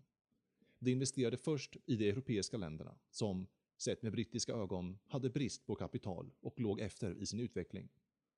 Det är ett välkänt faktum att järnvägarna i de flesta länder i Europa, och också i Förenta Staterna, byggdes med hjälp av brittiskt kapital. Gasbolagen i alla Europas städer var också brittiska. Vid mitten av 1870-talet kritiserade en brittisk författare och poet sina landsmän. Han sa, citat, Britterna har förlorat sin gamla vigör och de har inte längre några nya idéer. Det är inte längre någon viktig eller ledande nation i världen. Slutcitat. På detta svarade Herbert Spencer, den store sociologen, citat. Se på den europeiska kontinenten. Alla Europas huvudstäder har ljus därför att ett brittiskt gasbolag förser dem med gas. Slutcitat. Detta var förstås under den epok av gasljus som nu förefaller oss så fjärran. Och Herbert Spencer vidareutvecklade sitt svar till denne brittiske kritiker, citat. Ni säger att tyskarna ligger långt före Storbritannien. Men se på Tyskland. Till och med Berlin, det tyska rikets och den tyska andens huvudstad, skulle ligga i mörker om inte ett brittiskt gasbolag hade invaderat landet och lyst upp gatorna. Slutcitat.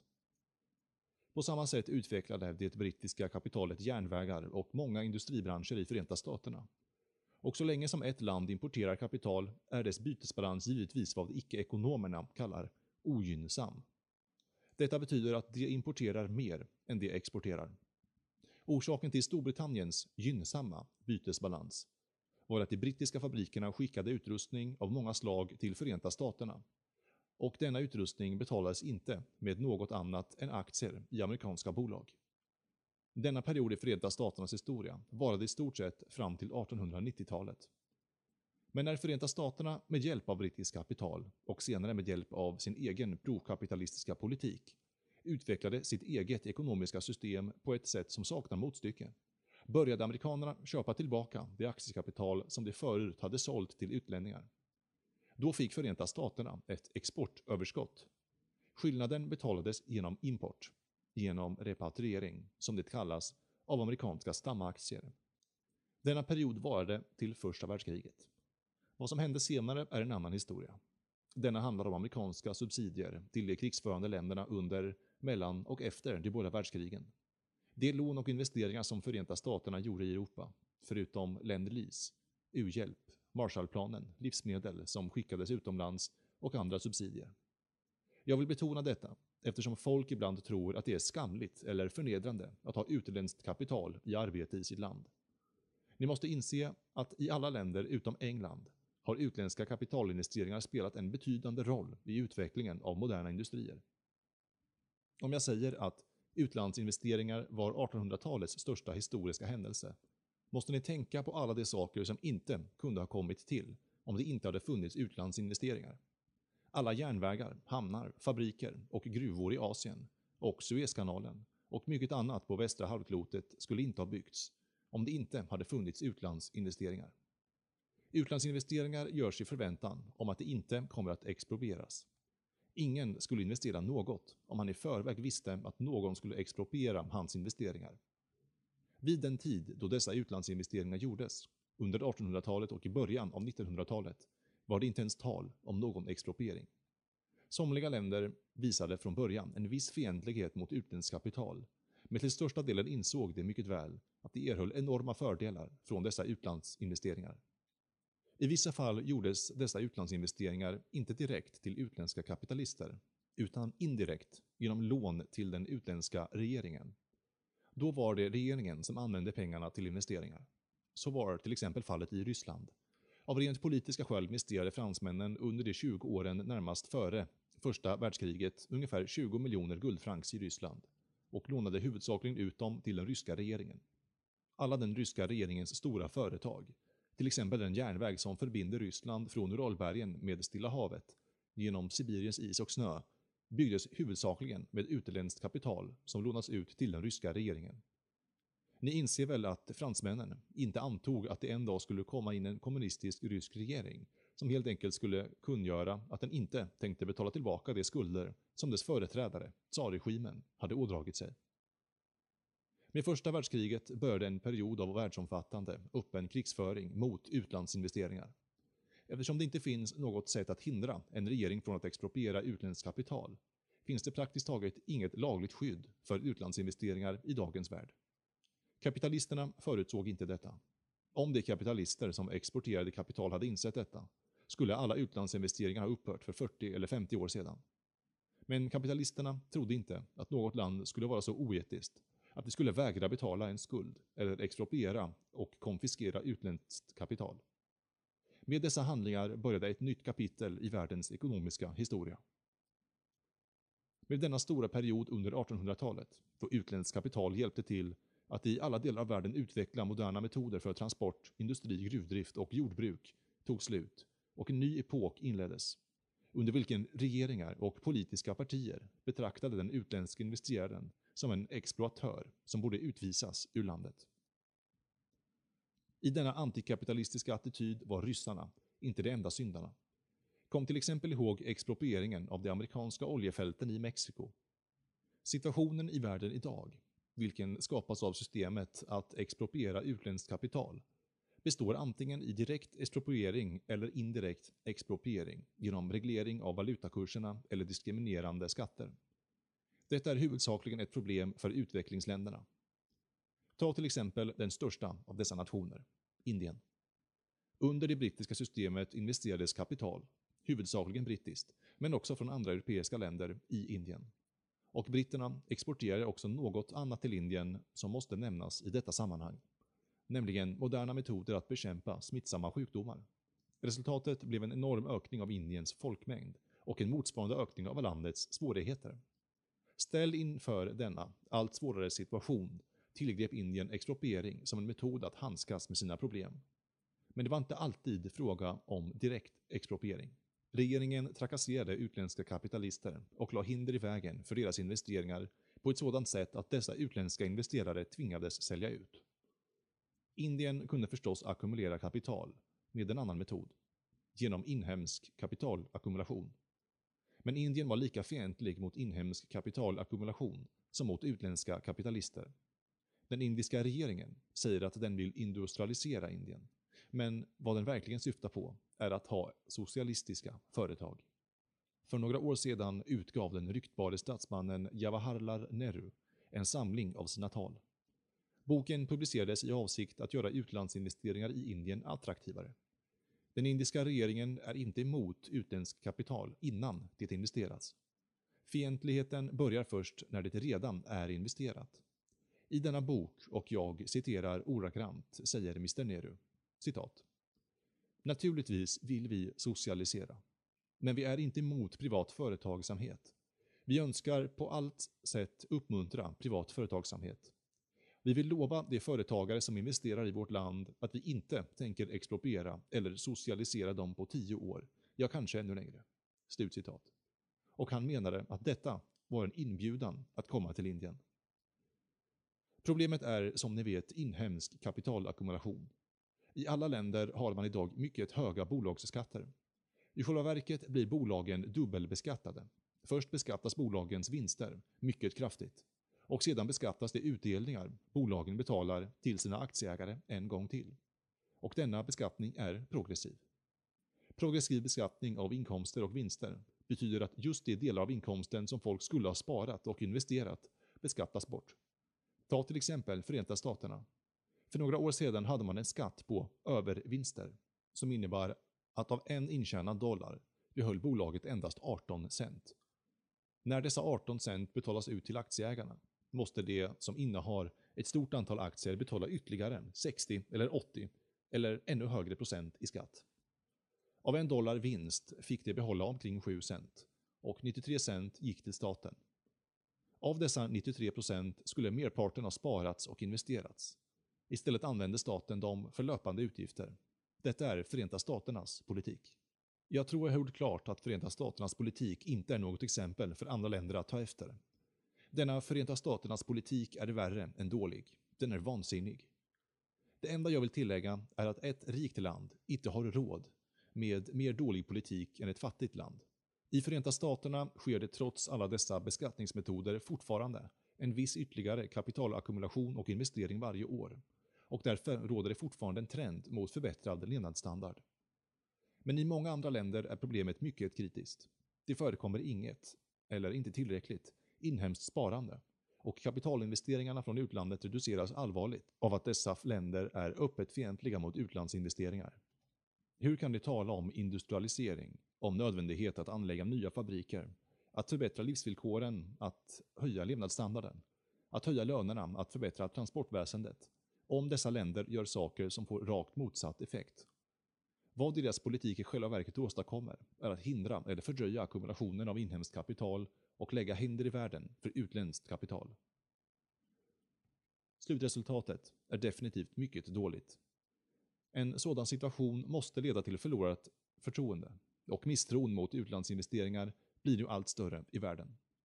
Även om berörda länder omedelbart skulle ändra sin politik och göra alla möjliga utfästelser är det mycket tvivelaktigt om det återigen ska kunna inspirera utländska kapitalister att investera. Det finns förstås metoder att undvika denna konsekvens. Man skulle kunna stifta internationella lagar, inte bara avtal, om att undandra utlandsinvesteringar från de enskilda nationernas jurisdiktion. Detta är någonting som FN skulle kunna göra. Men FN är helt enkelt en mötesplats för meningslösa diskussioner. Men om man inser den enorma vikten för utlandsinvesteringar och om man inser att utlandsinvesteringar är det enda som kan leda till en förbättring av de politiska och ekonomiska förhållandena i världen, borde man kunna försöka åstadkomma något slags internationell lagstiftning. Detta är ett tekniskt juridiskt problem, som jag nämner bara för att visa att situationen inte är hopplös. Om världen verkligen vill göra det möjligt för utvecklingsländerna att höja sin levnadsstandard till amerikansk nivå, då kan det göras. Det är bara nödvändigt att inse hur det kan göras. Det fattas bara en sak för att göra utvecklingsländerna lika välstående som Förenta Staterna. Kapital. Plus givetvis friheten att använda det under marknadens disciplin och inte under statens disciplin.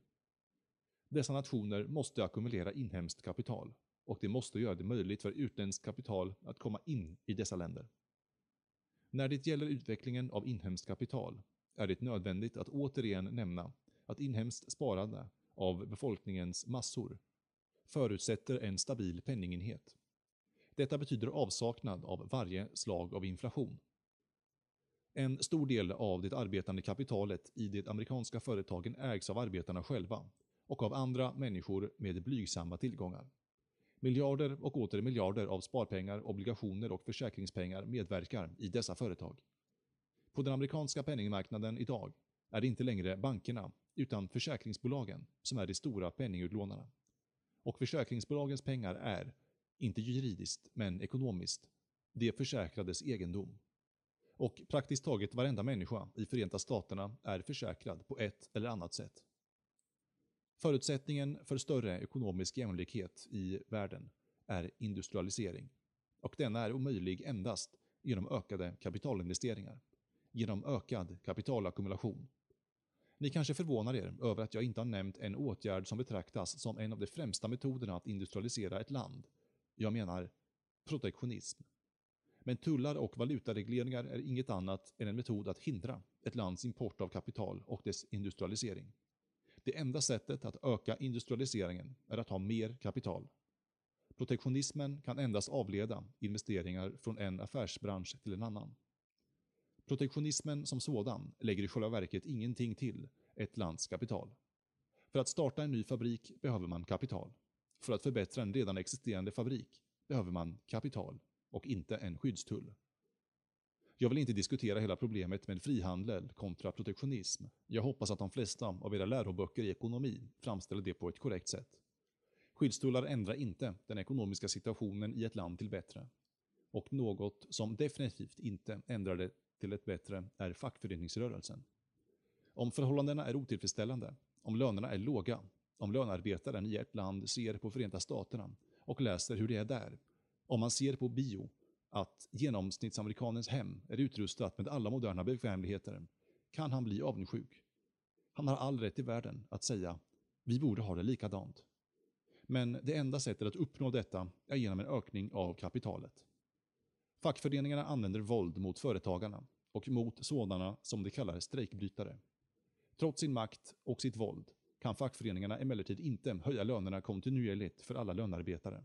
Lika ineffektiva är statliga påbud som fastställer minimilöner.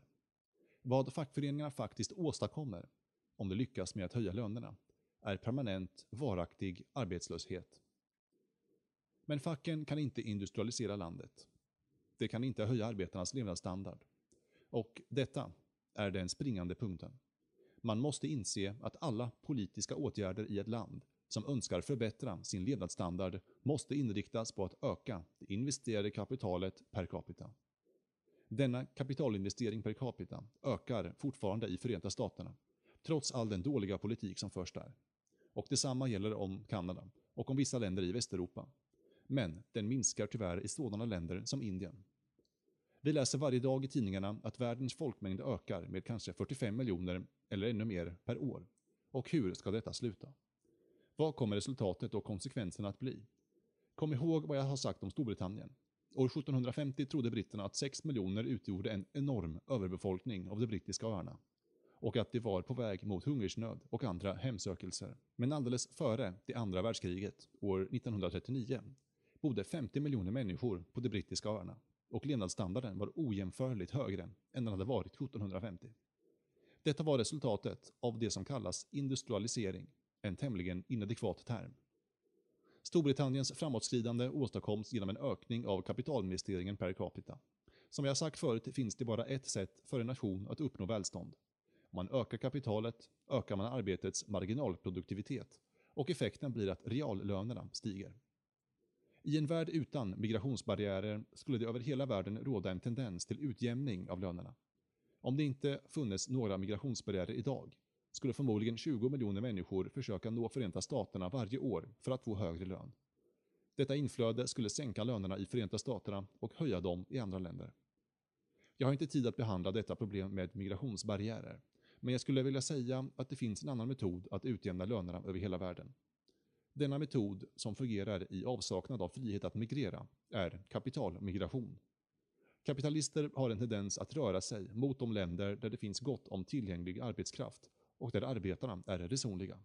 Och därigenom att de för med sig kapital till dessa länder åstadkommer det en tendens till högre löner. Så har det fungerat i det förflutna och på samma sätt kommer det att fungera i framtiden. När brittiskt kapital först investeras i exempelvis Österrike eller Bolivia var lönerna där mycket, mycket lägre än i Storbritannien. Men dessa nyinvesteringar åstadkom en trend mot högre löner i dessa länder. Och en sådan tendens rådde över hela världen. Det är ett mycket välkänt faktum att så snart till exempel United Fruit flyttade till Guatemala blev resultatet en allmän tendens till högre löner. Och det började med de löner United Fruit betalade. Vilket sedan gjorde det nödvändigt för andra arbetsgivare att också betala högre löner. Därför finns det alls inget skäl att se pessimistiskt på de underutvecklade ländernas framtid. Jag håller fullkomligt med kommunisterna och fackföreningarna när de säger vad som behövs är en höjning av levnadsstandarden. För en kort tid sedan i en bok som gavs ut i Förenta Staterna sa en professor citat. Nu har vi tillräckligt av allt, så varför ska människor i världen fortfarande arbeta så hårt? Vi har ju redan allt. Slutcitat. Jag tvivlar inte på att denne professor har allt. Men det finns andra människor i andra länder och likaså många människor i Förenta Staterna som önskar och som borde ha en högre levnadsstandard. Utanför Förenta Staterna, i Latinamerika och än mer i Asien och Afrika önskar alla se förbättrade förhållanden i sitt eget land. Högre levnadsstandard leder också till högre standard på kulturen och civilisationen. Så jag håller fullkomligt med om att slutmålet är att höja levnadsstandarden överallt. Men jag är oenig i fråga om de mått och steg som ska vidtas för att nå detta mål. Vilka mått och steg leder till detta mål? Inte protektionism, inte statlig inblandning, inte socialism och förvisso inte fackföreningsvåld. Något som eufemistiskt kallas kollektiva förhandlingar, men som i själva verket är förhandlingar under pistolhot. För att uppnå detta mål finns det, som jag ser, bara en väg. Det är en långsam metod. Somliga kanske säger att den är alltför långsam, men det finns inga genvägar till ett jordiskt paradis. Det tar tid och man måste arbeta. Men det tar inte så lång tid som folk tror och till sist kommer en utjämning att ske. Omkring 1840, i västra delen av Tyskland, i Schwaben och Württemberg, som var ett av de mest industrialiserade områdena i världen, sa man citat. Vi kan aldrig nå upp till britternas nivå. Engelsmännen har ett försprång och de kommer alltid att ligga före oss. Slutcitat. 30 år senare sa britterna, citat, vi kan inte klara av den här tyska konkurrensen. Vi måste göra något åt den. Slutcitat. Vid den här tiden befann sig förstås tysk standard i snabbt stigande och närmade sig redan då brittisk standard. Och idag är den tyska inkomsten per capita inte alls lägre än den brittiska. Mitt i Europa ligger ett litet land, Schweiz, som naturen har varit mycket njugg mot. Det har inga kolgruvor, inga mineraler och inga naturtillgångar. Men dess folk har under århundradenas lopp ständigt fört en kapitalistisk politik. Det har frambringat den högsta levnadsstandarden på den europeiska kontinenten och landet rankas som ett av världens stora civilisationscentra. Jag kan inte se varför ett land som Argentina, som är mycket större än Schweiz, både till folkmängden och till ytan, inte skulle kunna uppnå samma höga levnadsstandard efter några år av bra politik. Men, som jag har påpekat, politiken måste vara bra.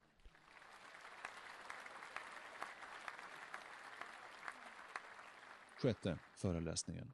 Politik och idéer. Under upplysningstiden, under de år då nordamerikanerna la grunden för sin självständighet och några år senare, då de spanska och portugisiska kolonierna förvandlades till självständiga nationer, var den förhärskande stämningen inom den västerländska civilisationen optimistisk. På den här tiden var alla filosofer och statsmän helt övertygade om att de levde i början på en ny tidsålder. En tid av välstånd, framåtskridande och frihet. I dessa dagar väntade man sig att de nya politiska institutionerna, de konstitutionella representativa regeringar som inrättats i Europa och Amerikas fria nationer, skulle ha en mycket välgörande inverkan och att den ekonomiska friheten kontinuerligt skulle förbättra människans materiella villkor. Vi vet mycket väl att somliga av dessa förväntningar var alltför optimistiska. Visserligen är det sant att vi under 1800 och 1900-talen har upplevt en makalös förbättring av de ekonomiska villkoren som gjort det möjligt för en mycket större befolkning att leva med mycket högre levnadsstandard. Men vi vet också att många av 1700-talsfilosofernas förhoppningar har kommit till skam. Förhoppningarna om att det inte skulle bli några fler krig och att revolutioner skulle bli onödiga. Dessa förväntningar har inte infriats. Under 1800-talet var en period då krigen minskade, både i antal och i grymhet. Men på 1900-talet har krigsandan blomstrat upp på nytt och vi kan tämligen säkert säga att vi ännu inte har sett slutet på de prövningar som mänskligheten måste genomlida. Det konstitutionella system som infördes vid slutet av 1700-talet och början av 1800-talet har gjort mänskligheten besviken. De flesta människor, liksom de flesta författare, som har behandlat detta problem tycks tro att det inte har funnits något samband mellan den ekonomiska och den politiska sidan av problemet. Det tenderar därför att tala långt och länge om parlamentarismens eller folkrepresentationens förfall, som om detta fenomen vore fullständigt oavhängigt av den ekonomiska situationen och de ekonomiska idéer som bestämmer människornas aktivitet. Men något sådant oberoende existerar inte. Människan är inte en varelse som har dels en ekonomisk och dels en politisk sida, utan något samband dem emellan.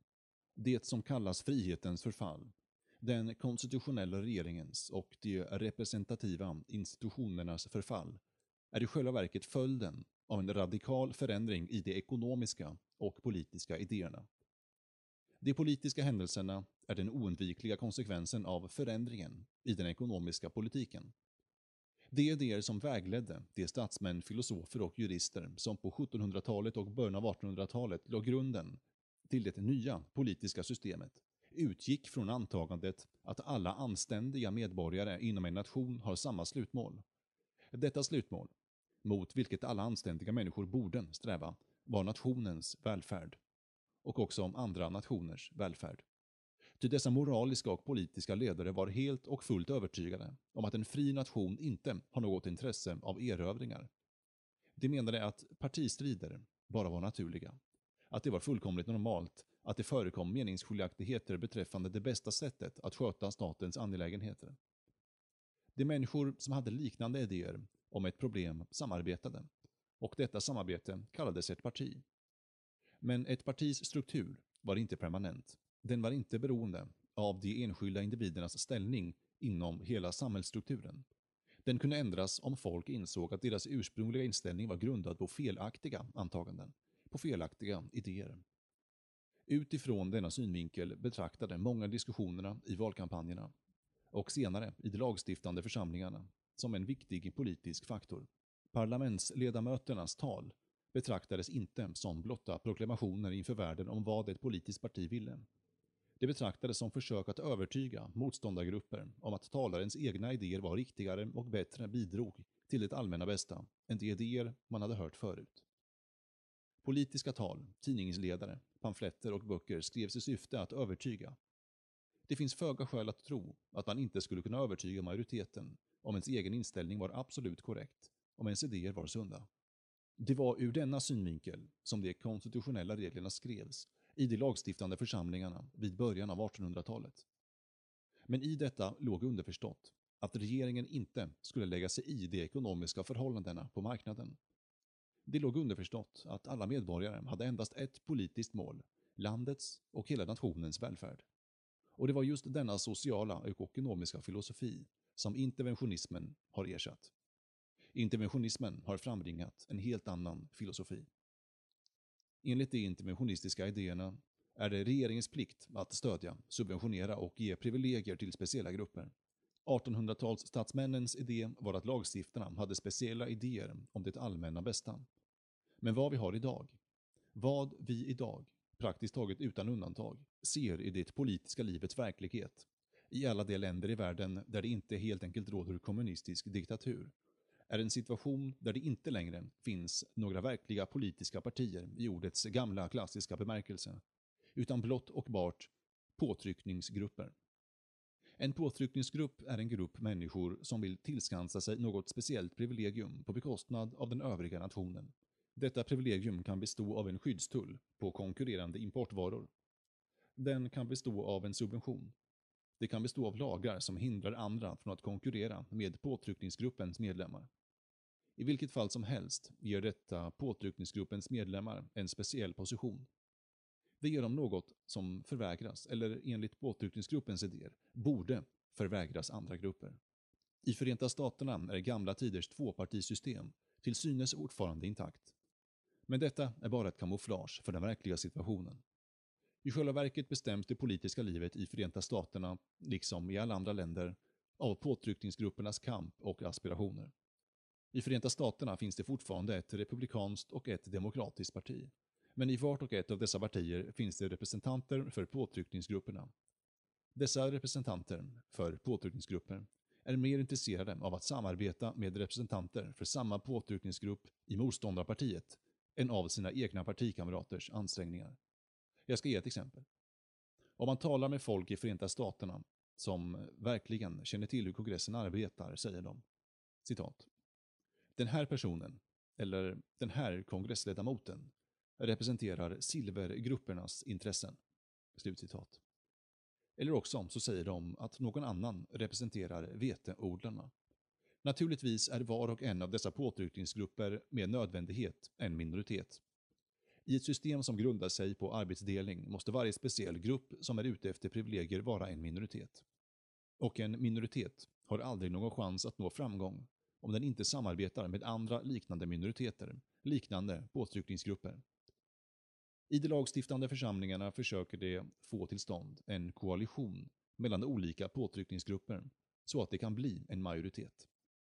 Men efter en tid kan den här koalitionen falla sönder eftersom det finns problem där det är omöjligt att nå enighet med andra påtryckningsgrupper och nya koalitioner av påtryckningsgrupper bildas.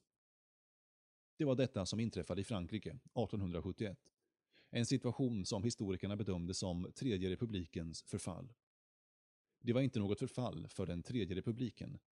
Det var helt enkelt en exemplifiering av att systemet med påtryckningsgrupper inte är ett system som med framgång kan tillämpas för att styra en stor nation.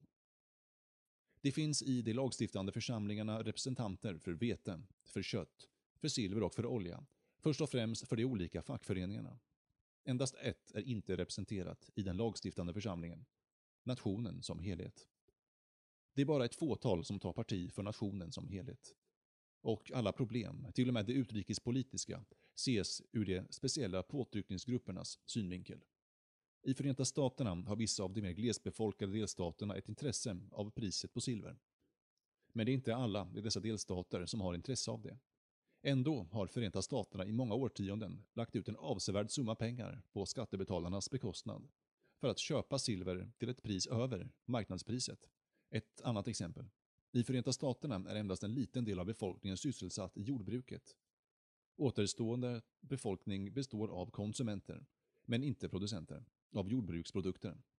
Ändå för Förenta Staterna en politik som går ut på att lägga ut miljard efter miljard för att hålla priserna på jordbruksprodukter ovanför det potentiella marknadspriset. Man kan inte säga att detta är en politik som gynnar en liten minoritet, för dessa jordbruksintressen är inte enhetliga. Den mjölkproducerande bonden är inte intresserad av högre priser på spannmål. Han skulle tvärtom föredra lägre priser på sådana produkter. En kycklinguppfödare vill ha lägre priser på kycklingfoder det finns många oförenliga specialintressen inom denna grupp. Och ändå möjliggör förslagen diplomati i kongresspolitik att små minoritetsgrupper erhåller privilegier på majoritetens bekostnad. En situation som är speciellt intressant i Förenta Staterna gäller socker. Kanske bara var 500 amerikan har intresse av högre pris på socker. Förmodligen vill de andra 499 ha lägre pris på socker. Ändå går Förenta Staternas politik helt och hållet ut på att genom skyddstullar och andra specialåtgärder åstadkomma ett högre pris på socker. Denna politik är inte bara till förfång för de 499 sockerkonsumenternas intressen, utan skapar också ett mycket allvarligt utrikespolitiskt problem för Förenta Staterna. Utrikespolitiken syftar till att samarbeta med alla andra amerikanska republiker. Och somliga av dessa har ett intresse av att sälja socker till Förenta Staterna. De skulle vilja sälja i större mängder. Detta illustrerar hur påtryckningsgruppernas intressen till och med kan bestämma en nations utrikespolitik. I åratal har människor världen över skrivit om demokrati, om folklig representativ regering. De har klagat över dess otillräckligheter, men den demokrati som de kritiserar är endast den demokrati under vilken interventionism är landets styrande politik. Idag kan man höra folk säga, citat, i början av 1800-talet i Frankrikes, England och Förenta Staternas och de andra nationernas lagstiftande församlingar hölls det tal om mänsklighetens stora problem. De kämpade mot tyranni, för frihet, för samverkan med alla andra fria nationer. Men nu för tiden är vi mer praktiska i våra lagstiftande församlingar.” Slutcitat. Visst är vi mer praktiska. Idag talar man inte om frihet. Man talar om ett högre pris på jordnötter. Om detta är praktiskt, då har förstås de lagstiftande församlingarna förändrats avsevärt, men inte till det bättre. Dessa politiska förändringar som interventionismen åstadkommit har avsevärt försvagat nationers och representanternas förmåga att motstå diktatorers aspirationer och tyranners operationer. De lagstiftande representanter som bara bekymrar sig om att tillgodose de väljare som exempelvis vill ha högre priser på socker, mjölk och smör och ett lågt pris på vete subventionerat av staten kan endast representera folket på ett mycket svagt sätt. De kan aldrig representera alla sina väljare. De väljare som är för sådana privilegier inser inte att det också finns motståndare som önskar det motsatta och som hindrar deras representanter att nå full framgång. Detta system leder å ena sidan till en ständig ökning av de offentliga utgifterna och gör det å andra sidan svårare att ta ut skatter. Dessa representanter för påtryckningsgrupper vill ha många speciella privilegier för sina påtryckningsgrupper, men de vill inte belasta sina anhängare med en alltför tung skattebörda. Det var inte avsikten hos dem som på 1700-talet grundlade det moderna konstitutionella styrelseskicket, att en lagstiftare skulle representera, inte hela nationen, utan endast sin egen valkrets, särintressen. Detta var en av interventionismens konsekvenser. Den ursprungliga idén var att varje medlem av den lagstiftande församlingen skulle representera hela nationen. Han valdes i en speciell valkrets endast därför att han var känd där och därför valdes av folk som hade förtroende för honom. Men det var inte avsikten att han skulle ge sig in i politiken för att utverka något speciellt för sin valkrets. Att han skulle begära en ny skola, eller ett nytt sjukhus eller mentalsjukhus och därmed orsaka en avsevärd ökning av de offentliga utgifterna inom sitt distrikt. Påtryckningsgruppernas politik förklarar varför det nästan är omöjligt för alla regeringar att hejda inflationen. Så snart som de valda ämbetsmännen försöker begränsa och sätta tak på utgifterna kommer de som stödjer särintressen, som har fördel av speciella poster i budgeten och förklarar att det här speciella projektet inte kan genomföras eller att det där måste utföras. Diktatur är givetvis ingen lösning på ekonomins problem. Precis som det inte är något svar på frihetens problem. En diktator kanske börjar med att ge löften av alla de slag. Men eftersom han är en diktator kommer han själv inte hålla sina löften. Han kommer istället omedelbart att undertrycka yttrandefriheten så att tidningar och parlamentariska debattörer inte ska kunna påpeka dagar, månader eller år efteråt att han hade sagt något den första dagen av sin diktatur än han sa senare. Den fasansfulla diktatur som ett så stort land som Tyskland måste genomlida för inte alltför länge sedan kommer lätt i tankarna när vi betraktar frihetens tillbakagång i så många länder idag. Som en följd härav talar man nu om frihetens förfall och om vår civilisations tillbakagång. Folk säger att varje civilisation till sist måste gå under och falla i ruiner. Denna idé har eminenta anhängare. En av dessa var en tysk lärare vid namn Spengler och en annan, mycket mer välkänd, var den engelska historikern Toynbee. Det säger oss att vår civilisation nu är gammal. Spengler jämförde civilisationerna med växter som växer och växer, men till sist upphör att leva. Likadant, säger han, är det med civilisationerna.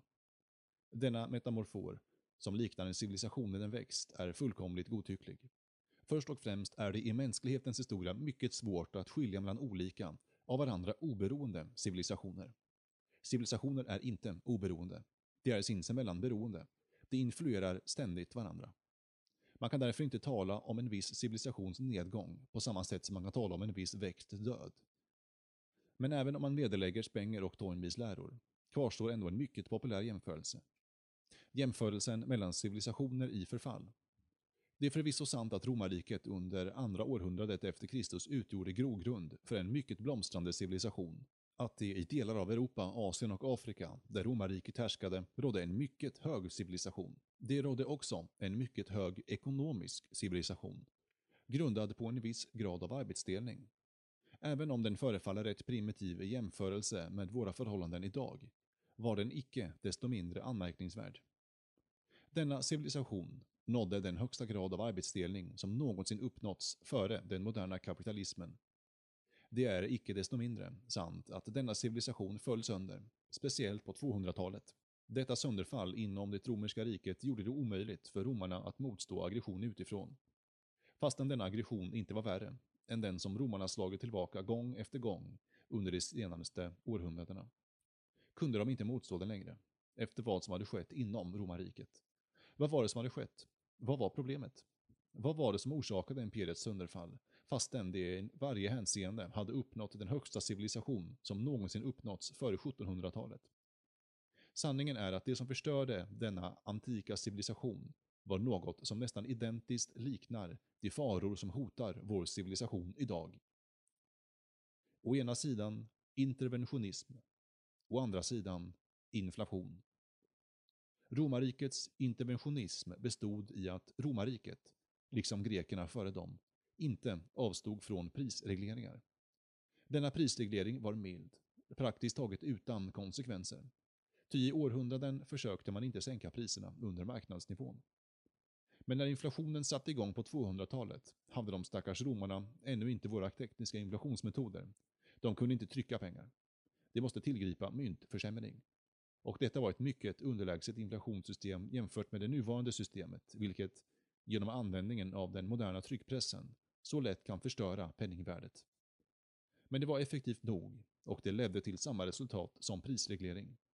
Ty det pris som myndigheterna tolererade låg ju under det potentiella pris dit inflationen hade fört priserna på de olika varorna. Resultatet blev givetvis att tillgången på livsmedel i ständerna minskade. Folket i städerna tvingades återvända till landsbygden och återgå till jordbruket. Romarna insåg aldrig vad som höll på att ske. De förstod inte. De hade inte utvecklat de mentala verktyg som fordras för att tolka arbetsdelningens problem och inflationens konsekvenser på marknadspriserna. Att denna valutainflation, denna valutaförsämring, var något dåligt, detta visste de givetvis mycket väl. Följaktligen stiftade kejsarna lagar mot denna utflyttning. Det fanns lagar som hindrade stadsbon från att flytta ut på landet, men dessa lagar var verkningslösa. Eftersom folk inte hade något att äta i staden, eftersom de svalt, kunde ingen lag avhålla dem från att lämna staden och återgå till jordbruket. Stadsbon kunde inte längre arbeta som hantverkare i stadens tillverkningsindustrier och med förlusten av städernas marknader kunde ingen längre köpa något där.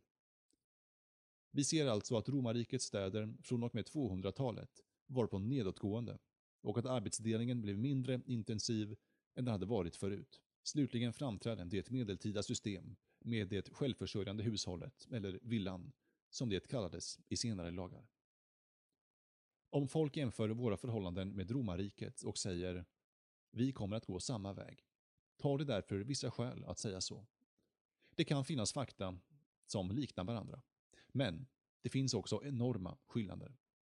Skillnaden ligger inte i den politiska struktur som rådde under senare delen av 200-talet.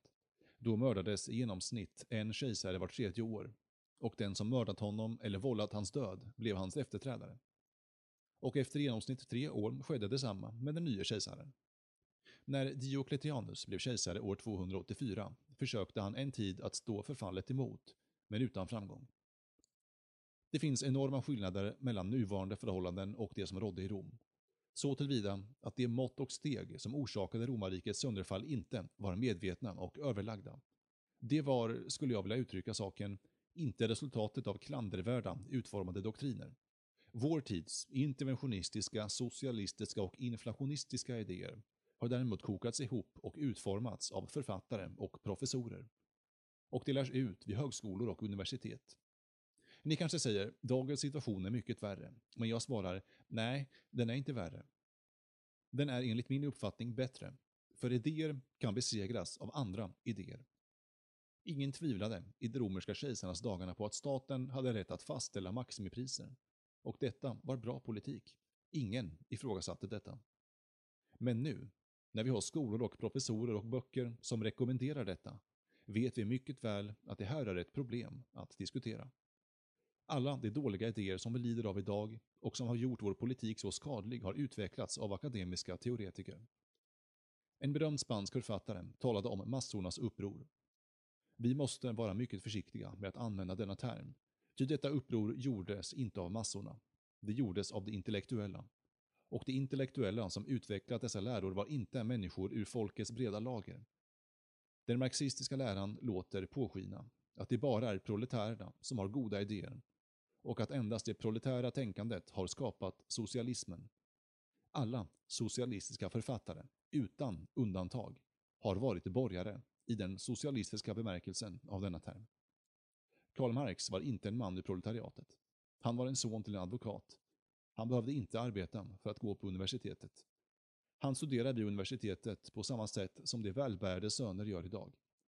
Senare och under återståenden av sitt liv försörjdes han av sin vän Friedrich Engels, som, i egenskap av fabriksägare, var en borgare av värsta sorten enligt de socialistiska idéerna.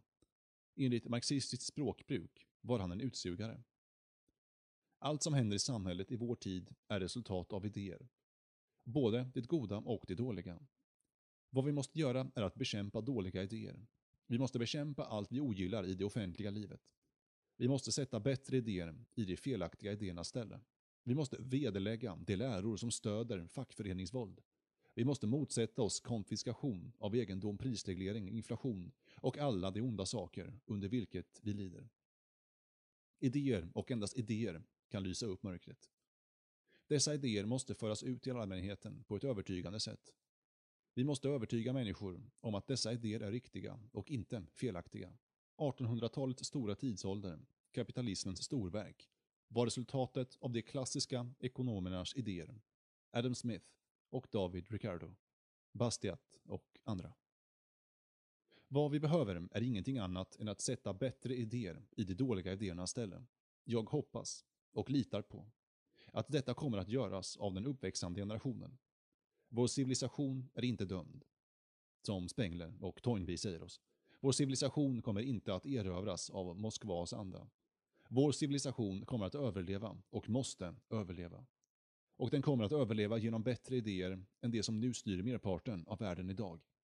Och dessa idéer kommer att föras fram av den uppväxande generationen. Jag betraktar det som ett mycket gott tecken att det för 50 år sedan praktiskt taget inte fanns någon i hela världen som hade mod att säga någonting till förmån för en fri ekonomi. Medan vi idag, åtminstone i några av de avancerade länderna i världen, har institutioner som utgör centra för spridandet av en fri ekonomi.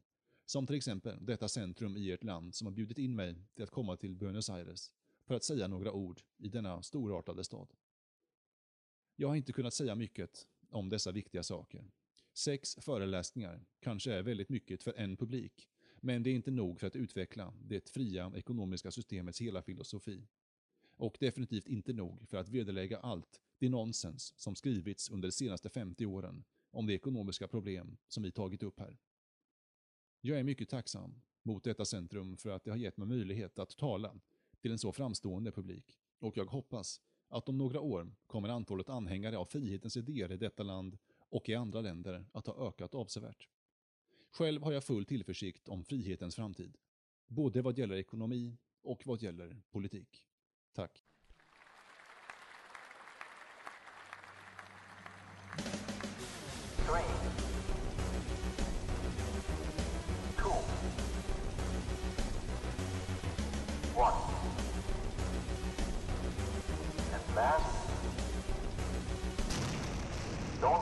And last,